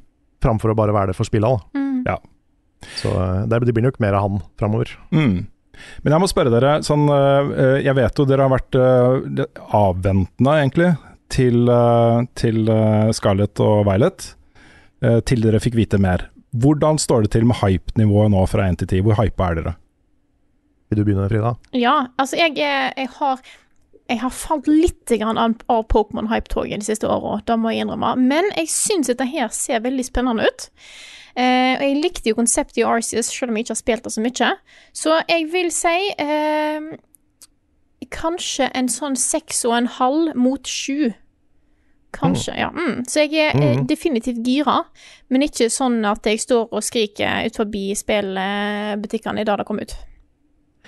Nei, hadde du spurt meg rett etter jeg spilte eh, Brilliant Diamond, så hadde det vært kanskje så på en sånn 5-6. Men nå har jeg spilt Arceus, og 100% av det, og bare elska det. Så nå er det ganske mye høyere etter det. Mm. Jeg håper jo det spillet her tar mest mulig inspirasjon fra det spillet, for det er det beste Pokémon har vært på mange, mange, mange år. Mm. Um, også i likhet med de som har designa disse figurene, så har jeg også vært forelska i læreren.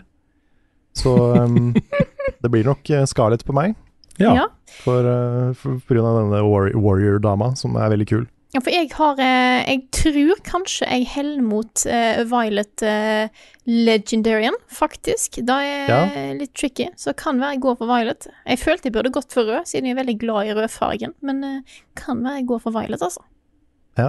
ja, men da kan vi trade det, Frida. Så Ja, det passer er bra. viktig, da. Jeg må jo selvfølgelig òg også sjekke med deg, sant. Det var jo òg viktig. Finne ut hvem vi Mhm. Hvis alle i level up skulle ha den samme, så hadde jo det blitt problematisk. Det hadde Ja. det vært. Ja, for av legendaryene syns jeg de er ganske sånn like. Jeg syns de er like kule begge to. Mm Jeg vet ikke, vi vet ikke hva som er eksklusive Pokémon ennå, men, eh, men, men da får jo du han derre Jeg ser det er veldig mange som sammenligner han eh, professoren med det der bildet av han derre Sigma Male-fyren med den svære haka som gliser, som er overalt på Twitter og sånn. Ja. Så da får jo du han. Ja, det er sant, det. Så det passer bra. Mm. Men eh, Frida, Hei. nå har vi sett disse tre starterne Ja. i 3D. Vi har sett modellene deres. Mhm. Hvilken skal du ha? Eh, Jeg tror jeg fortsatt er på uh, Firecrock. Jeg husker ikke hva han heter. Uh, han her er Ja, han uh, Hva heter han, da? La meg google dette superfort! Det er uh, Fluecoco. Fuekoko. F- F- Fuecoco. Jeg syns Ja, han som er en sånn en chilipepper. Ja. Men jeg syns at Sprigatito òg er veldig søt. Sånn Er at veldig søt. for meg så er det litt avhengig av hvor de ender opp. Mm. Jeg vil gjerne se hvor, om, de, om de får liksom eh, Ja.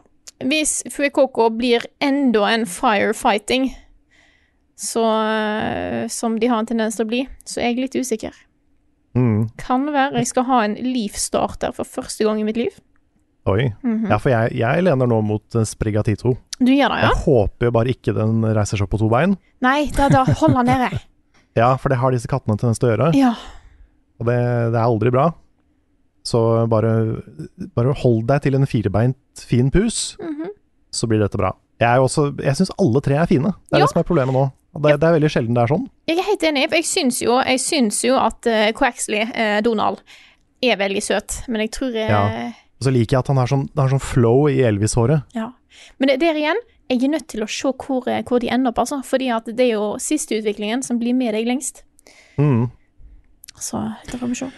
det er sant. Men jeg har ikke lyst til å bli spoila på det. Jeg vil vente til spillet er ute. Å, Og så vil jeg bare Jeg vil bli overraska. Ja, mm, For den kanskje. følelsen av liksom your Pokémon is evolving, og du vet ikke hva den blir, Ja, det er så spennende. det er det. Så jeg har lyst til å bevare den følelsen. Var Nå stopper jeg dere. Ja, Er det greit. Okay, Ja. okay. Vi skal videre til neste hype-ting. ne- Ja, for det også kan fort bli litt tid, da. Takk. Uh, Ja. som det går. Uh, jeg starter med et par spørsmål her også. Et fra Kenneth Fredriksen. Uh, jeg har sett på første kikk på Sonic Frontiers-traileren. Ønsker å høre hva dere syns om traileren, og har dere tro på det spillet? Og da fra Kristoffer uh, Bolæren Zetlitz. Eh, Frida og Carl, regner med at dere har fått med dere nytt gameplay-materiale fra Sonic Frontiers. Hva er deres inntrykk? Er dere hyped for et open world Sonic-eventyr? Og nyheten er jo da at nå har Sonic Frontiers det neste spillet til Er det Team Sonic det heter? Sonic Team. Eh, Sonic Team, ja. Sonic Team, selvfølgelig. Uh, har fått en gameplay-trailer og også en syv minutter lang uh, gameplay-video på IGN. Eh, og vi har vel sett begge deler, alle tre. Hva, hva syns dere? Oh boy. Ja er, det en, er det en positiv oh-boy eller en Nei. negativ? Det, Nei. hvorfor er det rails i lufta som bare er Nei. der? Da jeg så de rails av lufta, så bare holy crap, det ser fett ut! Tenkte jeg da. Ja, ok, ja. Ja. Fordi, fordi, ok, hear me out.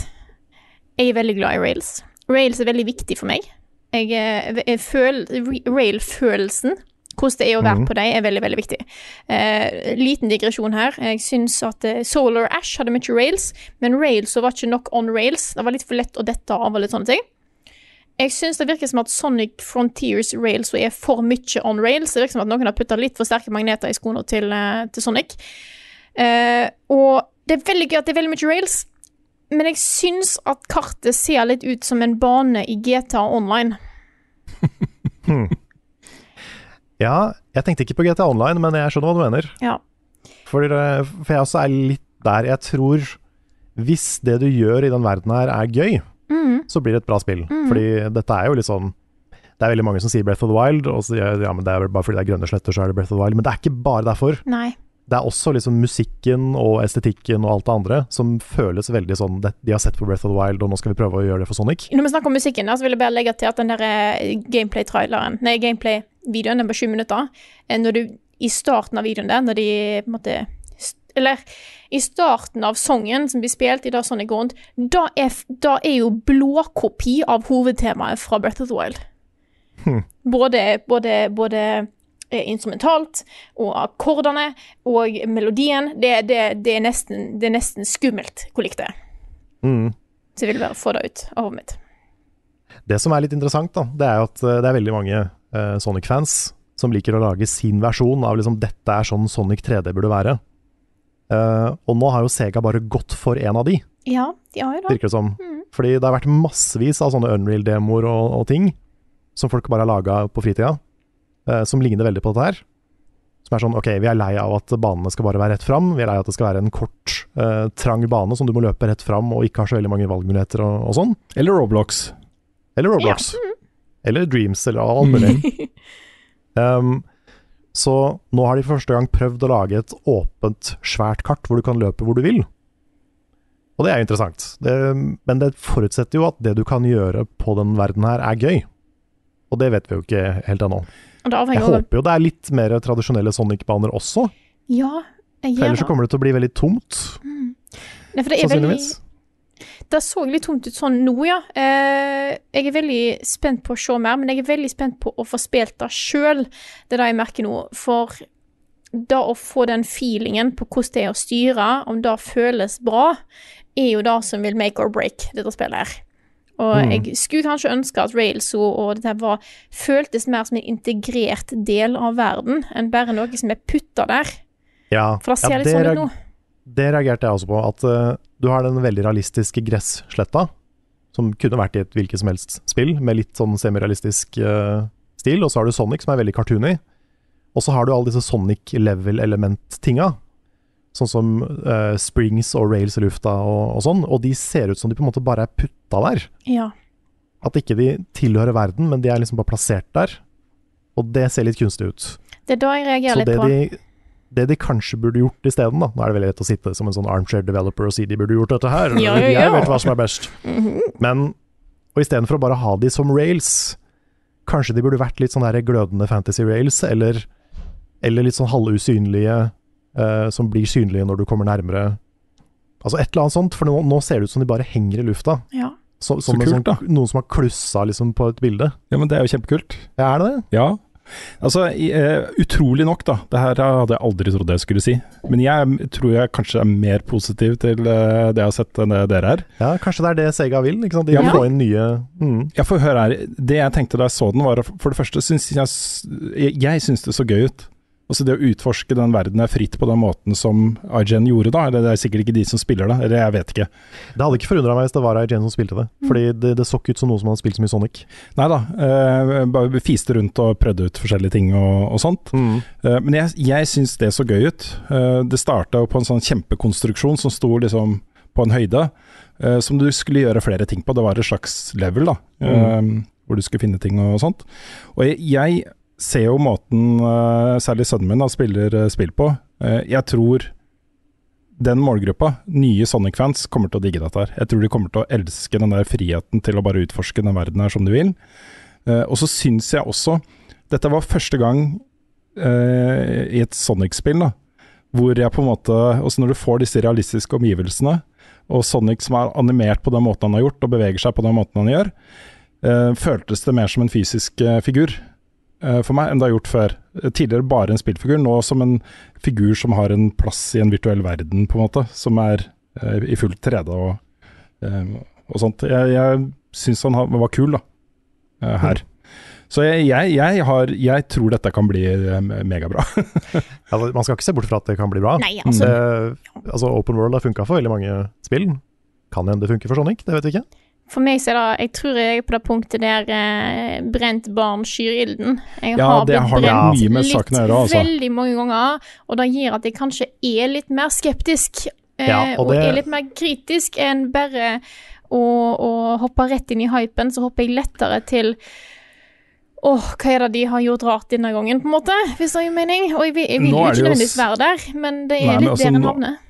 Nå er dere to litt sånn der, nå prøver dere å ta gleden bort fra alle disse nye barna som har blitt glad i Ja. Sonic gjennom filmene og, og Roblox og sånne ting, ikke sant? Nei, men det er noe som heter The Sonic Cycle. Ja. Hvor man blir uh, Man ser et uh, nytt spill, ser video fra det, det ser kjempebra ut, ser kult ut, så det er action og det er akkurat det man vil ha. Og så kommer det ut, og så bare å nei. Og det har vi opplevd så mange ganger. Så jeg håper jo da at hvis jeg er litt skeptisk nå, og så viser det seg at det er kjempegøy, så vil det bli en veldig opptur. Ikke Ja. sant? Det er det jeg også håper på. Jeg sier ikke at det kommer til å bli crap. Nei. Jeg bare, det er noen røde flagg som jeg er litt, sånn der, mm, jeg er litt bekymra. Men jeg, har, jeg har fortsatt et håp om at det skal bli kjempebra. Jeg holder meg fortsatt til min prediction om at Sonic Frontiers blir overraskende. Jeg er bare spent på hva ord som kommer bak. Ja. Overraskende bra eller overraskende dårlig eller, Eller overraskende, overraskende med. midt på treet. Ja. Ja. Er det overraskende? ja, for hvis noe er overraskende kjedelig, eller på en Ja. måte overraskende tamt, så er det på en måte et eh, For jeg føler at Sonic-spill er på en måte De er en av de tre. Det er enten fullstendig med, veldig Mm. bra, eller ræva. Og det er på en Mm. måte en av de tre statesa Sonic kan ha. Det er sant. Hvis du skal Den definere tingen- kvantestatesa til Sonic, så er det de tre. Ja, riktig. riktig. Den ene tingen som, eh, som jeg tror kunne gjort det spillet her kjempebra, det er hvis jeg får se noen litt større levels. Ja. Mm. Sånn større områder. For nå var det liksom en, et svært åpent eh, område. En sånn svær sånn meadow, liksom. Mm. Og så var det små ting på kartet. Hvis det er svære ting på kartet, så har jeg litt mer trua. For jeg, Tenk om dette her var sånn som Elden Ring eh, Tech-demoen. Du fikk bare liksom første lille chunken av Limgrave. Ja. Ja. Du har ikke vært i hovedstaden ennå. Nei. Vi, må se- vi må se Lanedale, det er det, det er det jeg trenger. Ja. Jeg trenger å se Lanedale i Sonic Frontiers. Jeg tror, jeg tror også at måtte, hvis de nailer den følelsen av å springe rundt som Sonic, at du kanskje får en litt sånn eh, samme feeling som jeg fikk i The Pathless, med at du bare på en måte glir og nesten flyr rundt i den banen her. Mhm. Eh, og så har du puzzles her og der. Jeg fikk litt den følelsen, og da er en bra ting. Så er jeg håper virkelig, jeg håper virkelig at de går den retningen. Det minner Mm. meg faktisk litt om Sable, Ja. sånn egentlig. Ja, den hadde litt Shadow of the Colossus også, men den der, eh, her, er- det var ganske tomt, da. Mm. Nei, jeg er spent er bare, på å jeg, se håper, jeg, håper at de har, eh, jeg håper at de har learned the right lessons Mm. fra disse spilla. At ikke de bare Stort og tomt er det folk vil ha. Ja. For jeg, jeg, det jeg trenger, eh, er at dette er en verden der jeg kan se ting rundt meg og tenke å, der har jeg lyst til å dra. Mm. Eh, så det er da jeg er spent på. Å se om jeg får Ja. den følelsen. Men én ting, da. Mm. Uh, kudos for at de prøver nye ting. Ja, At de, at de definitivt. prøver å liksom At de fortsatt prøver å løse 3D Sonic. Mm. For det har de gjort alltid, egentlig. Ja. Det er jo veldig få Sonic-spill som ligner på hverandre. Mm. Det er, så det, så de, de prøver nye ting, og de eksperimenterer med, med serien, og det skal de ha litt kudos for. Jeg håper bare at de bruker nok tid på å faktisk få det bra, for det har ofte Mm. vært problemet at de har kommet ut lenge før de burde. Det har ikke kommet noen konkret dato, men det blir jo fortsatt sagt, da. eh, Slutten av 2022 Mm. på dette her. Så da blir det både Pokémon og Sonic da, på tampen av 2022. Det er Fy fader. Oh yes. Det blir spennende, Frida. Mhm. Det blir Vi kommer til å dobbeltanmeldelse, blir det ikke eh, det? Jo, det må jo det, må det ikke det? Jo, jo. På Sonic. Mm. Kanskje vi til og med skulle gjort det på Pokémon, hver vår versjon. Ja, kanskje det. Men eh, vi kommer til å, vi kommer til å spise bra til, til, til, til jul. Yes. Vi går eh, videre og til eh, norske uh, trakter. I helgen var det jo sluttspill i Telia-ligaen på Eldorado, og der var både du og jeg, Carl. Det var vi. Og Espen hele helgen. Mm. Uh, og dette er jo um, Telia-ligaen er, jo da, er, er jo eid av samme eier som oss, som har oss. 51% av vårt selskap er det eid av Good Game, som også eier Telia-ligaen, bare så folk er klar over det. Men det var sjukt, sjukt gøy altså, å se en fullstappa Eldorado. Jeg tror det aldri har vært flere folk på Eldorado. Og skikkelig sånn sportsstemning med jubling i salen og fans og bannere og plakater og Mm. alt mulig rart. Jeg var en tur ned på Nordli under Eldorado, og jeg hørte jo jubelen fra salen Ja. der nede. Oi. Ja, det er kult. Det var kult. Uh, og det var da finaler i tre spill. Det var på lørdagen så var det League of Legends og, og Rocket League. Uh, Riddle vant uh, League of Legends-finalen, jeg tror det var fjerde gang. Mens uh, AV3, eller Å, jeg har lyst til å uttale det som Å, det er sikkert derfor det heter AW3, uh, vant da uh, for tredje gang, tror jeg det var, i Rocket League. Den store rosinen i pølsa var jo CSGO, med da både semifinaler og finale på søndagen. Eh, det var helt crazy. Det var en utrolig spennende semifinale der Trippel 7 liksom så vidt klarte å vinne den.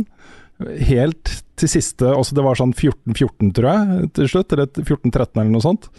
Eh, de vant da sin semifinale, og så vant de pinadø også eh, finalen. Etter å ha ligget bak i hele siste mappet. De ble jo knust på map 2. Vant første map, knust på map 2. Lå langt bak på map 3, og så tok de seg inn og vant til slutt, da. Det var eh, Det å være i salen og se det må jo ha vært elektrisk. Vi så jo første map, og så stakk jeg hit for å klippe reportasjen. Og så resten på Twitch. Det var jo kjempespennende. Så, eh, så dette var en opptur for norsk e-sport, altså, syns jeg. Så gratulerer til våre kollegaer i Good Game med et uh, godt gjennomført uh, arrangement. Absolutt. Den 7. juni kommer da endelig The Wild Update til Minecraft. Og dette vet jeg det er mange som har gått og eh, venta på. Eh, folk har jo drevet og testa eh, The Wild Update i den beta-versjonen av Minecraft, som er via denne Xbox Insider-programmet.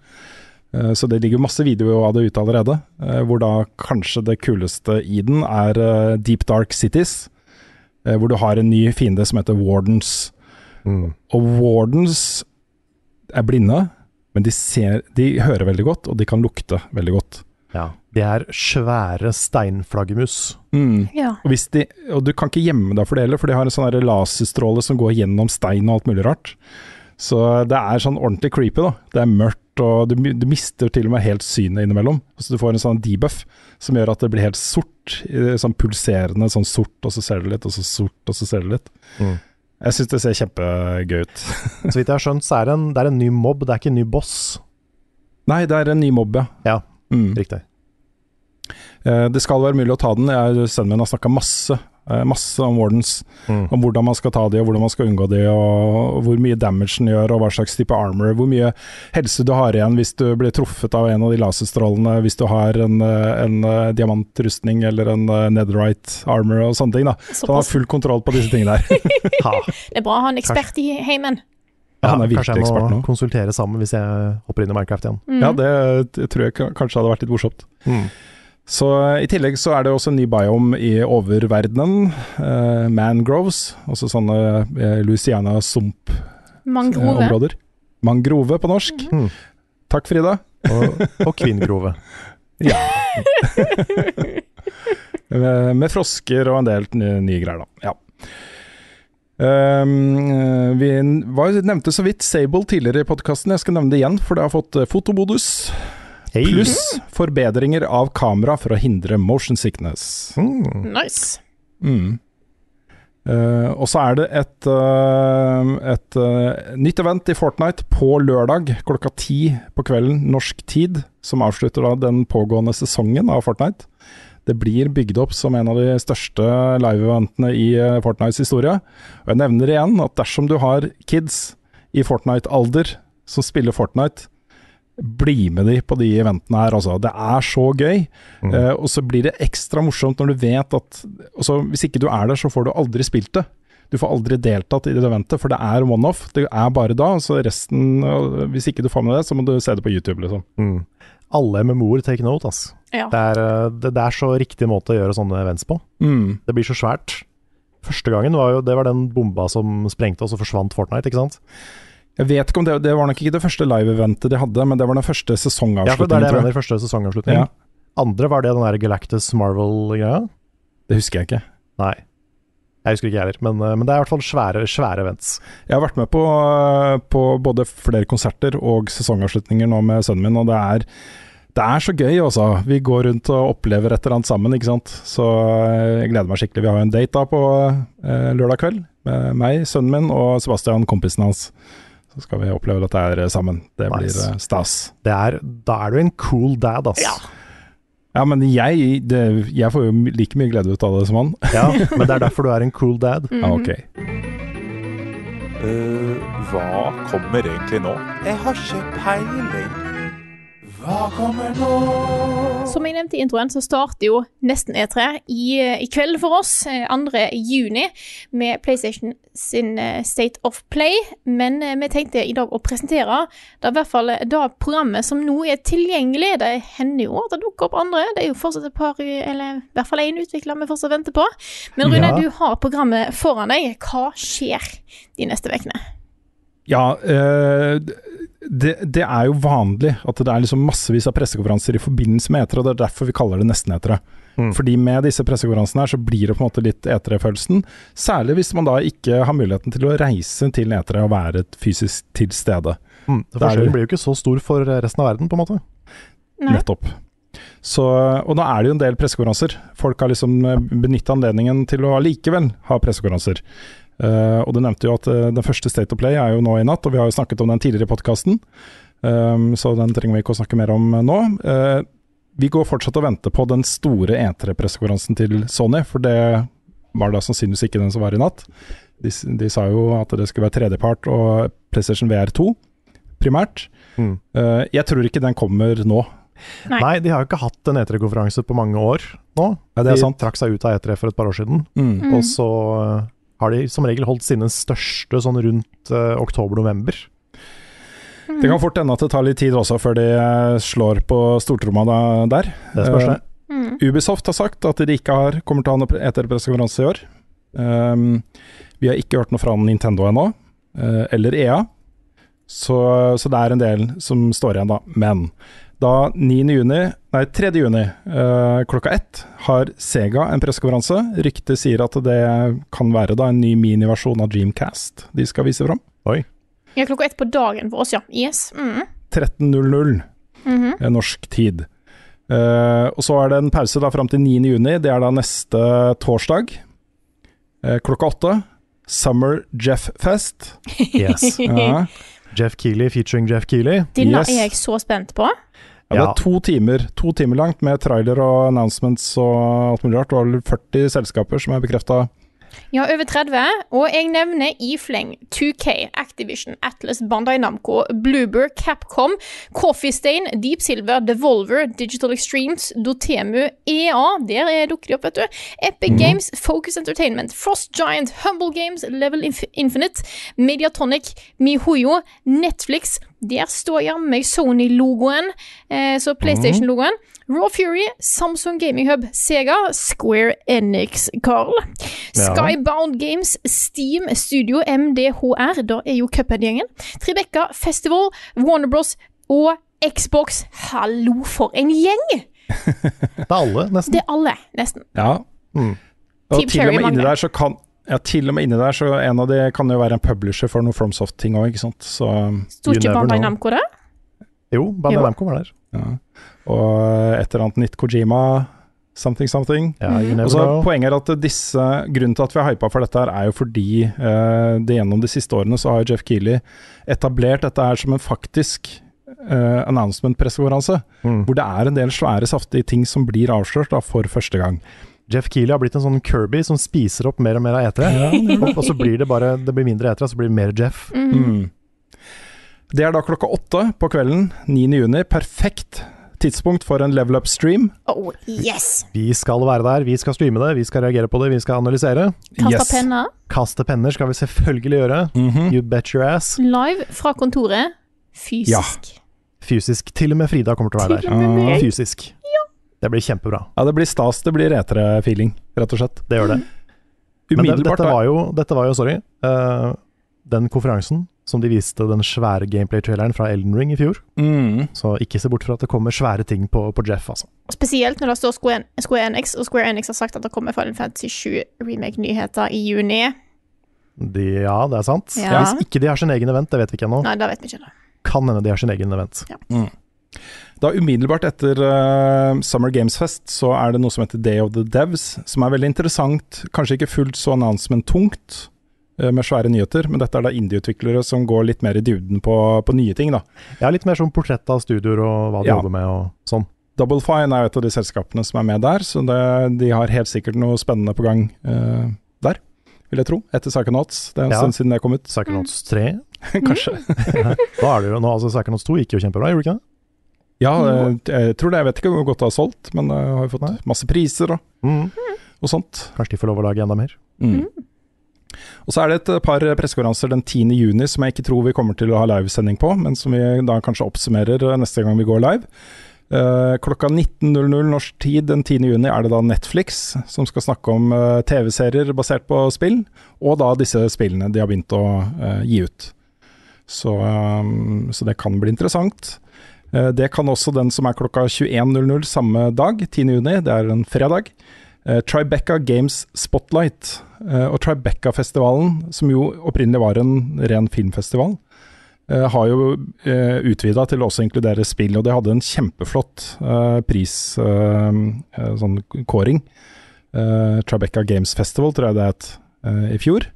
Hvor du så sånne ting som Norco, Harold Halibut, sånne store indie-greier som, som folk gleder seg til og, og liker, da. Eh, Så det kan nok bli bra. Her er vi da på kunstenden av spillspekteret. Det, er, eh, det er gøy. Mhm. 11. juni, lørdag 11. juni klokka 17.00, Guerrilla Collective. Det er jo en, eh, en samling med indieutviklere som jo har hatt pressekonferanser de siste årene. Eh, samme dag, lørdag eh, 11. juni 18.30, Holdsome Direct. Oh yes. Det er det nok fare for at vi dekker. Det er det. Det var Mm. veldig koselig sist. Mm. Det var eh, jeg husker opptil flere i Level Up fikk eh, hjertet sitt smelte av den der Gå tur med bestemor-spillet som Mm. dukka opp der. Så det er Ja. ganske mange faktisk Holson-spill som, som kommer der. Mm. Samme kveld, da, lørdag 11. juni klokka 21.00, Future Game Show. Og det er jo en uh, dette er jo, Future Games er jo en publisher av uh, spillmagasiner og nettsteder og sånne ting. De er bl.a. Uh, publisher av Eurogamer. Eh, så dette er jo en eh, litt mer sånn overbyggende. Noen ganger så klarer de å samle en god bunke med announcements da, eh, til dette showet sitt. Mm. Andre ganger så er det litt mer sånn ja, det er bare en ny trailer av ting vi kjente til fra før. Ja, Men det er, det er veldig fokus på indie der òg, Ja. så lørdag blir en sånn indie-dag, Mm. sannsynligvis. Mm. Yes. Søndagen derimot Mm. er jo den store eh, dagen for, eh, eh, for oss, i hvert fall for meg. Jeg gleder meg sjukt mye til den pressekonferansen her. 19.00 søndag 12. juni, Xbox og Bethesda. Mhm. Oh, yeah. Det er ingen grense for hva vi kan få sett der, altså. Alt fra første gameplay fra Starfield til gameplay fra Fable 4. Helt nye announcements fra Xbox. Det kan bli ganske svært, altså. Jeg håper de holder seg litt tilbake med de der CG-trailerne, for Mhm. ting som ikke de har begynt på engang. Sånn som Perfect Dark og sånn, det var, det var altfor tidlig. Så bare hold den litt i buksa, Microsoft. Jeg skal komme med en liten prediction, en, eh, en eh, ting som jeg har en mistanke om kommer til å skje på den pressekonferansen. Uh, litt basert på tidligere relasjoner og den type ting. Fordi Playdead har jo hatt for vane å bare lansere spillene sine, sånn helt Mm. plutselig. Uten noen forhåndsteasing eller trailer eller bygge opp i det hele tatt. Shadow Shadowdropped, nye spillet til Playdead, uh, umiddelbart etter den pressekonferansen. På Så. Xbox og PC. Ja. Det var en samme prediction. Jeg, jeg, føler, jeg føler på meg at de er på, også rett før da, de skal eh, lansere et eller annet. Uh, det hadde vært et perfekt sted å gjøre det. Samme kvelden, umiddelbart etter Xbox og Bethesda, så er det da den siste eh, planlagte pressekonferansen som vi vet om foreløpig. Eh, 12.6 klokka 21.30, PC Gaming Show. Oh yeah. Mm, som jo er et lite event i seg selv. Det er det. Mm, Det er veldig opp og ned i kvalitet. Ja. Noen år så er det kjempebra. Mhm.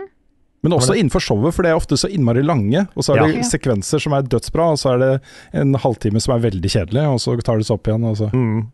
Noen år så har det vært sånn tre timer langt uten at det har tenkt å være det. Mm. Jeg Så føler det har kommet seg i det siste, da. Ja, det har det. Jeg håper det har liksom et litt kortere show, som har mer kule ting. For det, det er noen år som de har fått til det, og da har det vært kjempebra. Så jeg håper at de, eh, de har et oppår i dag, altså. Mm. Ikke i dag, men i år. Ja. og så vet du ikke helt hva som skjer med, med Devolver, Devolver Digital ennå. De har jo hatt eh, de kuleste etere-greiene de siste årene. En føljetong. Jeg mener de sa en eller annen gang at de skulle ha. Ja. At de, i hvert fall hinta om at de skulle ha et uh, lite show. Mm. Ja, det har vært kjempekult, hvis de har det. Uh, Eneåret så var det jo en, eh, en interaktiv uh, demo du kunne spille, spille gjennom. Ja, stemmer det. Sånn E3 eh, E3-simulasjon. Mm. Mm. Ja, det var ordentlig stilig. Så det vi vet da foreløpig, eh, som vi kommer til å gå live og ha liksom den vanlige level up etere-dekninga vår, blir jo da, for å gjenta det, eh, 9. juni klokka åtte. Vi går sikkert på litt før, Mhm. eh, med Summer Games Fest. Det blir da eh, 10. nei 11. juni, lørdag 11. juni. I hvert fall da fra 18.30 Holsom Direct. Mhm. Um, og så da eh, 12. juni eh, klokka 19 Xbox. Sikkert på fra sånn eh, seks-halv syv, tenker jeg. Ja. Og så har jo Nintendo glimra med sitt fravær. Jeg har jo fortsatt et lite håp da, om at de skal eh, annonsere et eller annet på tirsdagen etter. Mhm. Fordi det har vært en sånn typisk Nintendo-dato i mange år. Ja. Så eh, jeg har fortsatt ikke sagt noe, men kanskje de sier noe. Og så skal du ikke se bort fra at Level Up eh, kanskje dukker opp litt sånn av og til, med litt andre streams innimellom. Ja, nå er vi jo samla. Det er gøy å finne på morsomme ting eh, sammen. Når vi Det er det. samla. Kanskje litt mer Reef Tracks i samme rom, f.eks. Ja. Elden Ring Co-op. Elden Ring Co-op er jo blitt en mod. Mhm. Mhm. Hva er dines best, hvor var fredag sist? Har Carl egentlig sopp? Ukens spørsmål. Første spørsmål ut i dag er fra Håkon Brattlien, som skriver Gamer. Game. Hva i alle dager var det for et tonefall? Ga gamer. Gamer. Eh, Gamer.no skrev en sak om de franske myndighetene som forbyr engelske ord knytta til spilling i offentlig sektor. Gamerspråket, hvis du, kalle, eh, hvis du vil kalle det det. Er dette Norge òg burde innføre? Hvordan tror dere det norske språket vil se ut i framtida? Personlig håper jeg på mer norske ord innenfor spilling, og at det bare er en vanesak. Vi syns kanskje norske ord er kleine bare fordi vi er vant til engelske og har vokst opp med det. Kanskje utvide den norske ordboka litt òg. Og det er sant, det er mange ord som har eh, blitt med oss eh, innenfor jeg håper å si gaming, som òg er et engelsk ord. Mm. Ja. Ja da, det er det. Mm. Jeg, jeg, jeg, jeg, jeg syns det er morsomt når på en måte land tar et sånn overordna ansvar for utviklingen av språk og konservering og sånne ting. Og Frankrike er jo veldig harde på det. Eh, Island også. Masse utrolig gode islandske ord for eh, engelske. Island er kjent for det. Mm. Så eh, jeg er veldig for den utviklingen. Men sånn i praktisk bruk da, her i Norge, vi er jo så tett knytta til liksom, USA og amerikansk underholdning, og vi får jo ikke ting dubba, liksom. Um, med mindre det er barneinnhold, da. Mm. I, I Frankrike så er, så er det jo en lang og stolt tradisjon for å dubbe alt. Så der er på en måte eh, det franske språket står litt sterkere da, i, i samfunnet generelt eh, enn det norske språket gjør i Norge, hvor vi er vant til å bruke en del låneord og engelske ord og, eh, og sånt, og da kanskje spesielt i forbindelse med subkulturer og eh, kultur um, eh, i det hele tatt, Mm. eh, innenfor da spill f.eks. Ja.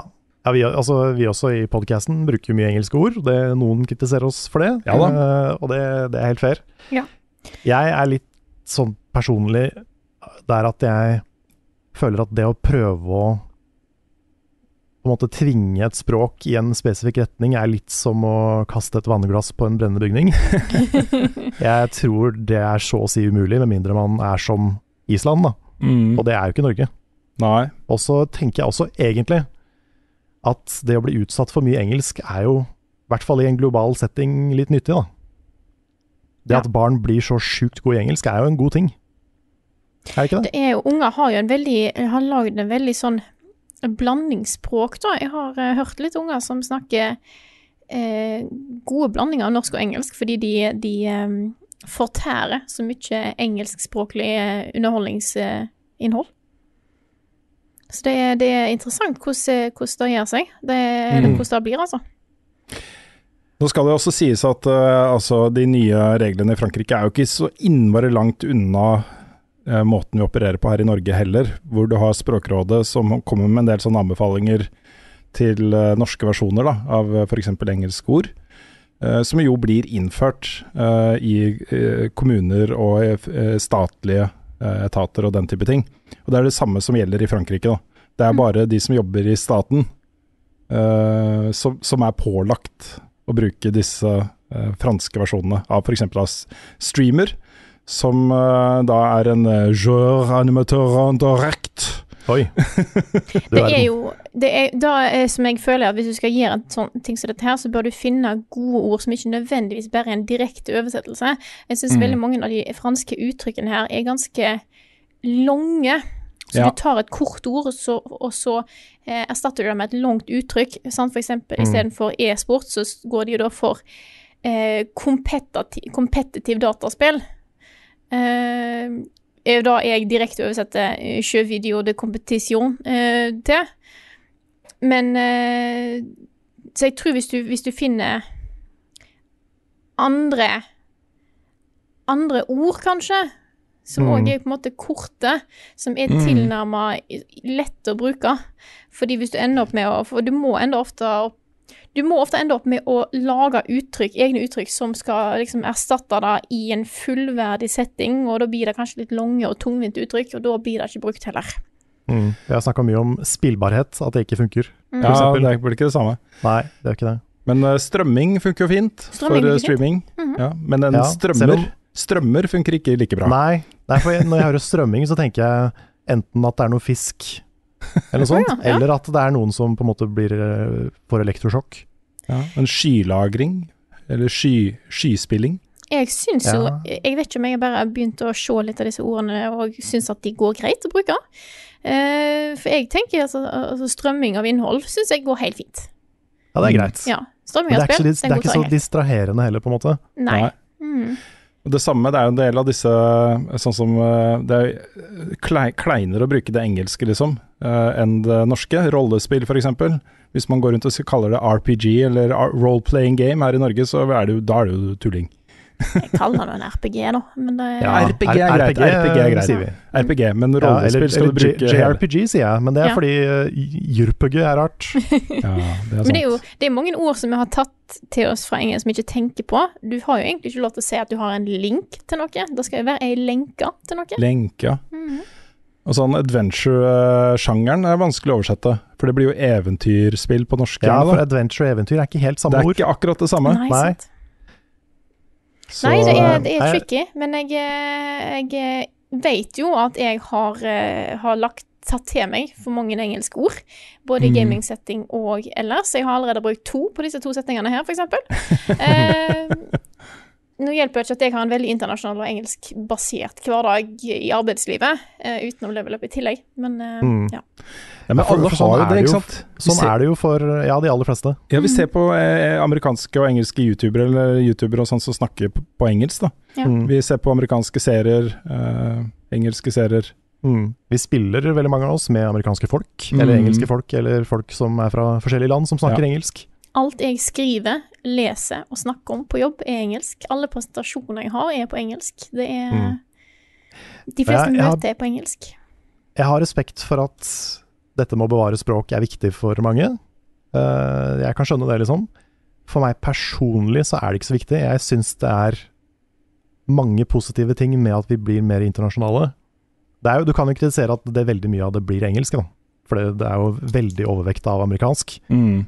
Men det at vi jeg vet ikke, vi kommer nærmere andre land, det er ikke bare negativt, det, liksom. Det er sant. Jeg er spent på å se hvor vi, hvor vi går herfra. Mm. Skal vi ta neste spørsmål? Ja. Det kan vi gjøre. Har du et, Karl? Jeg har et.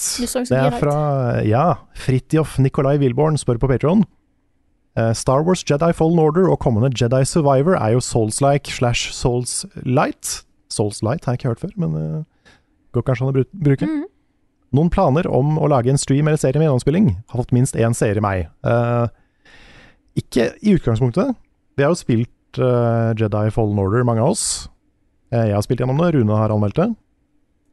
Jeg syns det var veldig bra, men det var, det var sånn Det var et spill som var bra. Sånn ordentlig bra, liksom. I hvert fall åtte av ti, føler jeg. Men Mm. det var ikke så minneverdig for meg. Så jeg håper jo det neste spillet blir kanskje litt mer, litt mer minneverdig, litt mer særegent. Ja, det vi egentlig begge er enige om der, er jo at uh, Cal kanskje ikke er den mest mest Nei, engasjerende han er veldig kjedelig, altså. Ja. Altså det er Utgangspunktet her syns jeg er så spennende, og kanskje det mest spennende i hele Star Wars-universet. Med Order 66 og eh, Jedis har blitt bannlyst, og alle skal drepes og, og sånn, så du må skjule det, ikke sant. Mm. Um, det, er en, eh, det er et eh, så godt utgangspunkt da, for, uh, for en historie. Det å være på flukt på den måten med de kreftene man har, ikke sant. Mm. Og så er det mange kule sidekarakterer i, uh, i det spillet. Mm. Så jeg håper at noen av de er med videre i, i neste. Det er et bra team, dette her. Og jeg har, nå har de på en måte et eh, eh, over middels godkjent spill. da. Altså Det er et bra spill. Det er det. Uh, men det er også et uforløst potensial. Og når man er et bra team som har lagd et bra spill og får sjansen til å gjøre det igjen, så kan det hende at, uh, at det blir enda bedre. Så jeg har ganske høye forventninger til det spillet, altså. Mm. Jeg har et lite issue med Star Wars om dagen. Det vet jeg at veldig mange har. Uh, forskjellige issues ofte, som er i konflikt med hverandre. Så begynner man å krangle og, og sånn. Mye hot takes. Men jeg føler at veldig mye av Star Wars i det siste har bare handla om Star Wars. Det har på en måte vært callbacks til gamle Star Wars hele tida. Og alt handler om å på en måte forgude den originale trilogien. da. Mm. Jeg Mm. føler kanskje at Jedi Fallen Order falt litt i den fella. Ja. At klimakset har ingenting med historien i spillet å gjøre. Det er bare kult fordi Star Wars. Mm. Og sånn er veldig mye av Star Wars om dagen. Det plager meg litt. Ja. Nei, jeg tror det kan bli bra, altså. Det er jo flere interessante Star Wars-spill på vei nå. Uh, hele franchisen her ser uh, Hele franchisen, kan vi si det på norsk? Franchisen, hele ja, hva? Ok, men ok, franchise. Hva skal man si på norsk? La meg sjekke. Eh, Franchise er et norsk ord. Det Er det, eller er det bare et for, fornorska engelsk ord? ja, det er, det et, det er et norsk ord, ja. Så det er sånn som ketsjup? ja. Ja. Franchise fins. Mm. Mm. Men uh, jeg liker ikke ordet uansett, da, på norsk eller på engelsk. Jeg Nei, det, det er jeg enig i. Mm. Samme med IP, også er ikke så veldig bra. Ja, IP er kanskje enda verre. Så um, Nei, men uansett, da. Star Wars er på et ganske spennende sted nå. Med kule spin-offs og, og friske øyne som kommer inn og ser på, ser på hele Star Wars-universet og lager ting. Mm. Jeg bare håper at de lager litt mer nye ting. At ikke de Ja. bare forguder det gamle. Slutt med det. Ikke sant? Obi-Wan. Jeg likte de to første episodene, men jeg syns også det var litt um, Litt slapt. Ja, jeg, altså, jeg, er ikke, jeg er ikke helt solgt ennå. Det har gode ting i seg, det, det har det. Ja, med en gang eh, Darth Vader begynner å komme inn og du, så tar det seg opp. Ja. Vi går til neste spørsmål, gjør vi ikke det? Ja, det kan være. Det kan være. Yes. Eh, jeg har et spørsmål her fra Mr. J. Som eh, Mr. J1 har jeg notert meg her. Ok, Han skriver i hvert fall LL35, Norge sin gamingsatsing. Hva har NRK tenkt på her? Har sett innom Twitch-kanalen deres noen ganger her og der, og det eneste jeg har truffet på, er tidligere Paradise Hotel slash X on the Beach-deltakere som enten drikker, har fest eller har glemt å skru av mikrofonen mens de er på do. Sånne ting kan jo, kan jo skje. 16 millioner er brukt på prosjektet. Er dette helt stong ut, eller er det bare meg som ikke forstår konseptet? Det Ja, har jo- jeg, Ja, jeg må jo være litt, uh, eh, eh, litt forsiktig med å, å snakke om det, fordi jeg, jo, jobber jo uh, ikke i NRK, men for NRK. Um, og jeg har jo ikke, har ikke lyst til å liksom være for, eh, for negativ for en, en god arbeidsgiver. Um, jeg vil i hvert fall nevne først da, at eh, disse eh, 16 millionene som de har brukt for dette huset, er jo på en måte ja, en investering, men jeg så et intervju med han som er eiendomsforvalter i NRK. Og de driver og kjøper og selger eiendommer, og noen ganger da med voldsomt gevinst.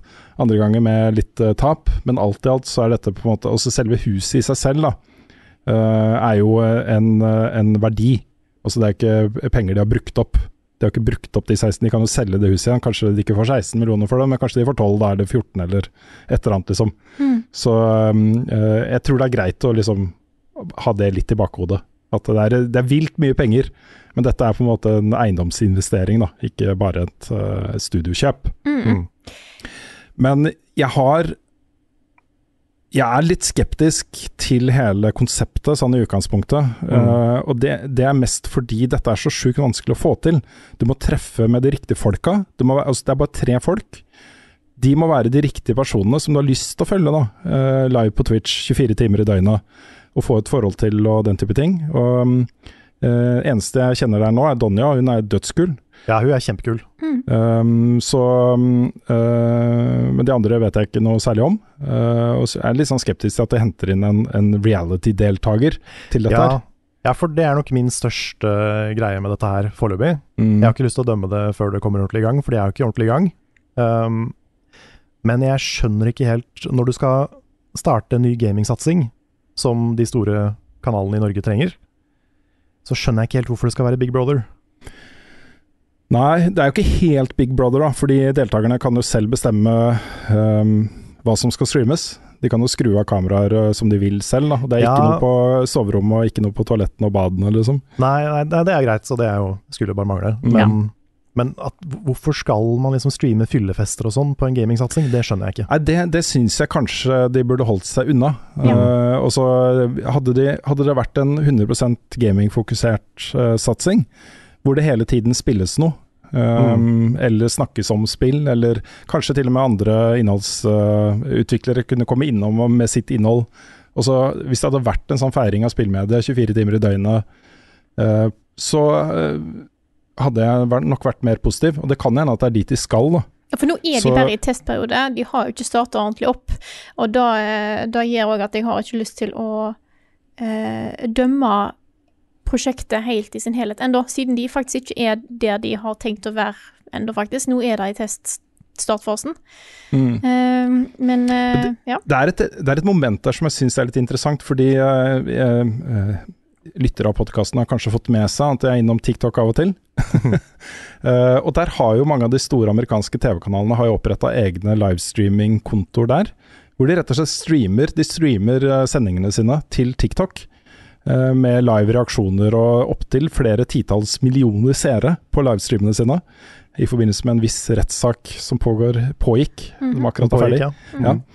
Um, det ligger et potensial her for NRK til å levere NRK-innhold til et nytt publikum og til nye plattformer som de kanskje ikke når per i dag. Uh, og der tenker jeg at uh, det største potensialet til L35 også ligger. Hvis du klarer å være NRK på Twitch, uh, med den seriøsiteten og profesjonaliteten som NRK representerer, da, så hadde det vært ganske spennende, altså. Mm. Jeg tror det er fullt mulig å lage en ehm, kanskje 24 timer, det krever mye mer, da. Uh, men en litt sånn nyhetskanalen for spill, på en måte. Hvor du kan vise fram spill, du kan streame, du kan ha konsepter innom. Du kan, du kan på en måte bruke den tida til noe litt mer Litt mer spennende, litt mer nyttig. Mm. Uh, hvis du får til det i 24 timer, eller, eller 12 eller 6 eller whatever, så har du et kjempebra konsept. Så jeg håper de kommer til noe nærmere det, da. Jeg håper de bare tar eh, på en måte løpende vurdering på hva de bør gjøre, hva de bør prioritere, hva de skal fokusere på. Mm. Ja, Eh, og, jeg ka veldig- og kaste ut reality-kjendiser. Bare med en gang. Ja. Jeg er veldig spent på å se hvor denne satsingen går hen, og hvor det ender opp når de starter for fullt eh, med Mm. de faktiske på en måte heldagssendingene sine. Da er jeg, eh, er jeg veldig spent på.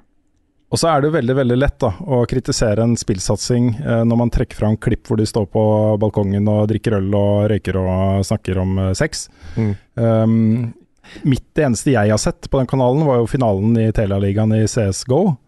Uh, med Donja som, uh, som live-reporter på gulvet. Uh, intervjuet deltakere og sånne ting. Og en skikkelig proff sending med gode castere og alt dette her. Og det, da blir det jo kjempebra. Også Ja, ja, det bedre er enn noe kjempebra. annet, Det ikke det er det man må ha mer av. Ja, så Det er veldig lett å Det er sånn Når de skal sende alt i løpet av en dag, så vil du ha et tidspunkt i løpet av en dag som er dårligere i type energinivå eller eh, innhold enn andre. Um, Mm. Så det er derfor jeg håper på en måte at all round at eh, de får eh, en god kvalitet og god satsing her. Ja. Mm. Håper det. Og så er den største fienden til eh, dette prosjektet her er NRK selv. og så NRK er litt sånn eh, Dette er er etter observasjoner fra utsiden, ikke fra noe jeg vet om fra innsiden. Mm. men NRK består jo av mange små tuer med hver sine prosjekter og sine de er, Det er mange avdelinger der som er flinke til å liksom, hegne om sine egne ting. da. Eh, og en så stor satsing som LL35 knyttes til mye både prestisje og også motstand mot internt. Eh, så um, jeg tror ikke det er noen lett vei videre for eh, den gjengen her, altså. Jeg tror det er eh, De har mange kritiske blikk på seg, og de mest kritiske tror jeg kommer fra internt i NRK. Og jeg håper jo virkelig at de får til noe, da. Fordi, um, fordi spilldekning på NRK og alle de andre store mediene syns jeg er viktig. Mm. Så jeg håper liksom ikke, hvis dette feiler, da, at de tenker nei, vi skulle ikke gjort det på spillet likevel, type ting. Ja, for det er jo synd, da. Ja. At de, jeg håper, de skjønner at liksom, approachen de har nå, er ikke riktig, men det de prøver på, er viktig. Mm. Jeg vil jo ikke at de skal feile. Jeg har Nei. jo lyst til at dette skal gå bra. Mm. Så jeg har eh, fortsatt håp om at dette her kan bli en ordentlig god satsing. Hva er det nå du ler av? Eh, Philip med F uh, utafor og filmer, med, filmer oss med mobilen sin. Ja. Ja. Kult. Mhm. Det er da Lolbuas Philip, Yes. som uh, jeg først uh, kjente fra Spillbart. Ja. Mm. Ja. All right. Yes. Skal vi gå videre Jeg- til et uh, nytt spørsmål? Ja, et, et, vi kommer nok til å snakke mer om LR35 etter hvert, tenker jeg da. Men ja. uh, jeg vil jo si at jeg ønsker NRK lykke til. Mm, Ja, enig. jeg, jeg, håper de kommer på et litt annet spor, men Ja. jeg håper jo de lykkes også. Mm. Jeg tror det har vært vanskelig å finne riktige folk. Jeg tror ikke det er så Ja. mange som har lyst til å bo i det huset. Nei. Det, er jo, det er jo en case. ja. Så ja, igjen, er det, er det riktig approach å tvinge de til å bo i det huset? I don't know. I don't know. Rune, har du et spørsmål på lager? Ja, eh, jeg tenker jeg skal velge ett av de. Hva med uh, Ja, fra Silacoid på eh, Discord. Hei, dere nevnte at Forbidden West antagelig ville fått en lavere score hvis det hadde kommet etter Elden Ring. Det var vel jeg som nevnte det, tror jeg. Mm.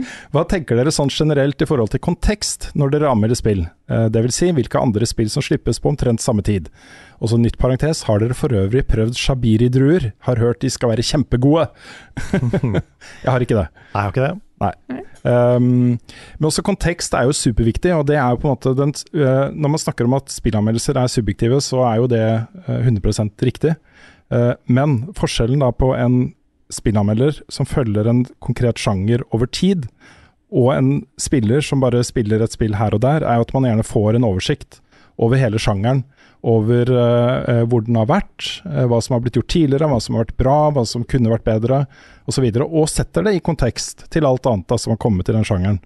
Uh, så, så jeg føler jo det er en ganske um, viktig del av min jobb som spillanmelder.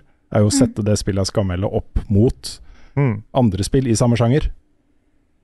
Så, um, og da er det jo Har jo vært sånn gjennom hele spillmediets historie, egentlig. At uh, det har vært så stor teknologisk utvikling, og også innholdsmessig utvikling, på uh, hvor gode historier det er, og rollefigurer og dialog og um, karakterutvikling og, og sånt, at det settes nye Lista legges høyere med jevne mellomrom, da. Mm. Og så får man et nytt spill da å måle seg mot. Uh, Ja, du må på en måte ha noen sånne resets av og til. mm. Ja. Men det er, det er også vanskelig å sammenligne spill på tvers av, av sjangere. Ja. For det er noen som mener at vi burde gjøre det også mer. Men jeg, jeg syns det er vanskelig å sammenligne Inside og Elden Ring, liksom. ja, for det går jo ikke. Nei, det, går, det går jo ikke. Du må på en måte se de for det de er, og ikke hva andre spill er, Mm. også. Jeg må jo si at i hodet mitt når jeg anmelder spill, så anmelder jeg det innenfor sjangeren, ikke innenfor Mm. spillmediet generelt. Sånn er Ja. nok jeg òg. Mm. Nei, nei, det er, det er vanskelig, og det er jo spesielt vanskelig når du, du har sjangere som plutselig blir redefinert av spill. Mm. Uh, og da snakker jeg ikke nødvendigvis bare om Elden Ring, jeg snakker jo òg om Breath of the Wild uh, når det kommer til open world-sjangeren. Mm. Så uh, Og i andre sjangere så har du hatt, hatt de samme store spillene som plutselig viser hva som er mulighetene innenfor sjangeren, og da bidrar det lett til at andre spill som ikke får til det samme som blir gjort bra, da blir det på en måte noe negativt, fordi det har blitt vist hvor godt det faktisk kan bli gjort. Men den store subjektiviteten kommer jo da også inn fordi eh, for noen så er liksom Breath of the Wild den nye lista Mm. for åpen verden, mens for andre så er det GTA 5. Ja. Så, eh, så det er jo fortsatt for andre så er det Assassin's Creed. Ikke sant, så, så det er stor spennvidde i eh, liksom meninger allikevel, da. Mm. Men for meg personlig som anmelder, så er det liksom så Half-Life og R1, ikke sant, for uh, FPS uh, og historiefortelling. Så ja Sant. Men uh, når vi, på slutten av året, da, når vi lager topplister, da kommer jo noen av de spørsmåla eh, til oss på, i kommentarfeltet og sånn. Mhm. Hvorfor dette er høyere enn det? Og da, da sitter jeg der og bare eh, Fordi? Jeg veit ikke. Det, det, er, det er litt sånn Det blir litt eh, Kan man si arbitrært? Ja, det er også et norsk ord, men Ja. eh, kanskje et litt komplisert norsk ord, da. kanskje et litt unødvendig komplisert norsk Ja. ord, men eh, det, det blir jo litt sånn dagsformen. Mm. Hvorfor man plasserer noe over noe annet. Det er, det er veldig lite Fordi det, det er så vanskelig å rangere spill på den måten, så vi gjør det litt som en gimmick. Tror det beste norske ordet for det er random. Random er et bra norsk ord. ja. Mm. Mm. Veldig gode norske ord der. Så, eh, så det, er- hvis et spill er på tiendeplass og et annet spill er på femteplass, så betyr ikke det nødvendigvis at det er voldsom forskjell. Nei.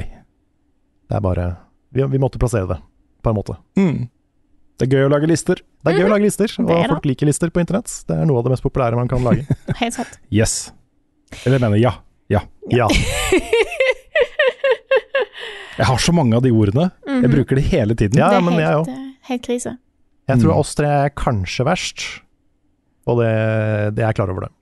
Ja, jeg, jeg tror jeg er verre enn deg. Nei, tror du det? Jeg er i hvert fall like ille.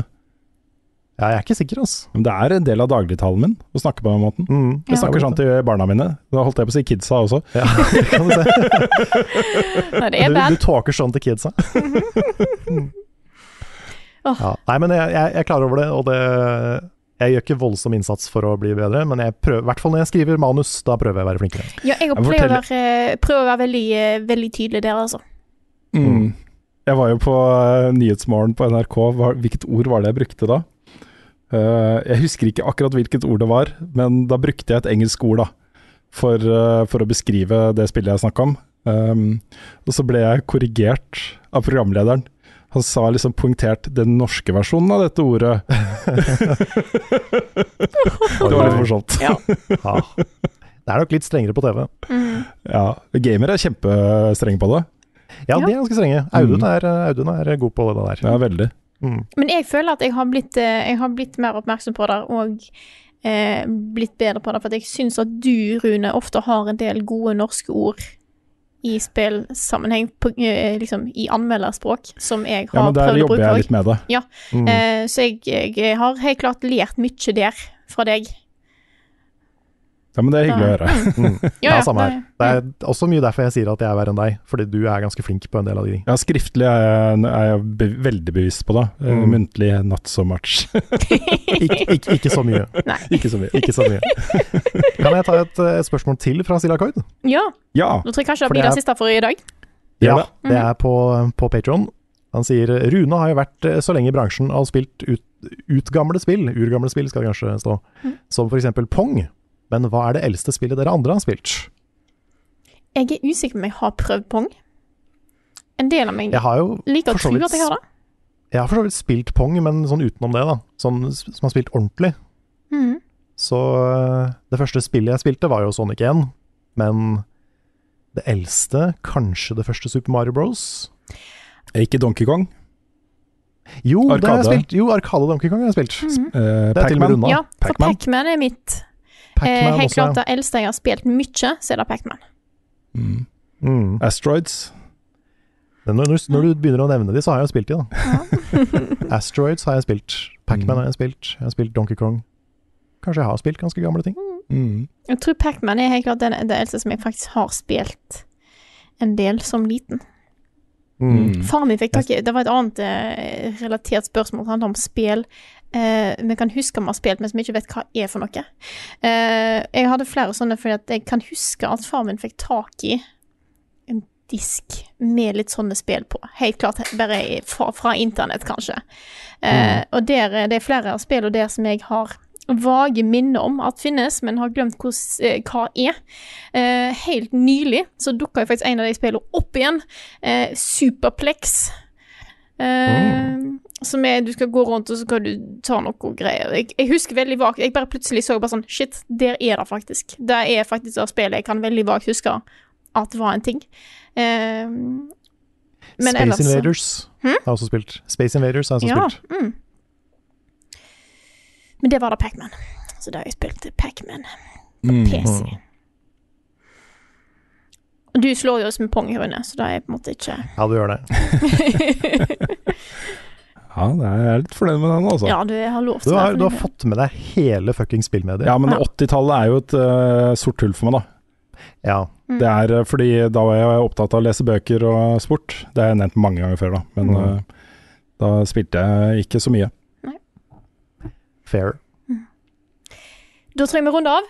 Dette her er en podkast utgitt av moderne medier.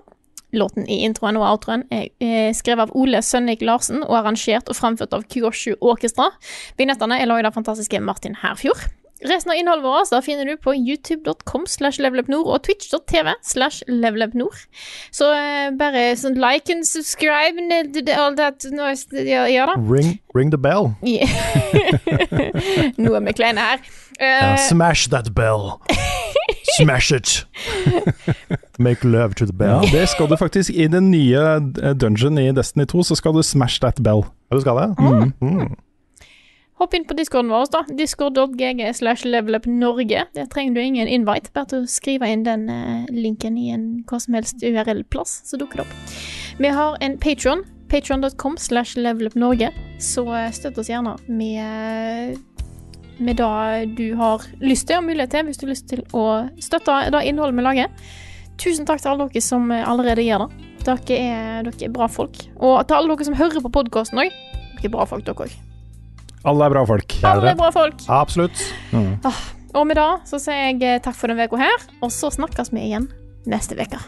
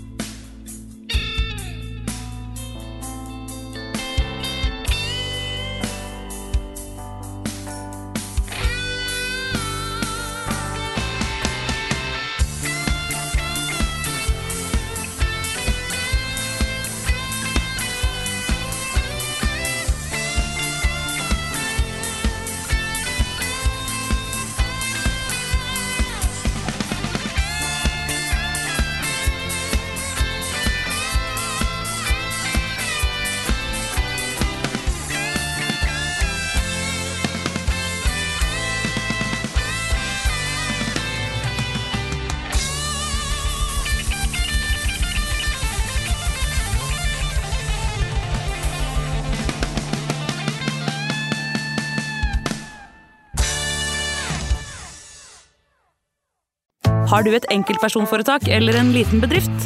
Da er du sikkert lei av å høre meg snakke om hvor enkelt det er med kvitteringer og bilag i fiken, så vi eh, gir oss her, vi. Fordi vi liker enkelt. Fiken superenkelt regnskap.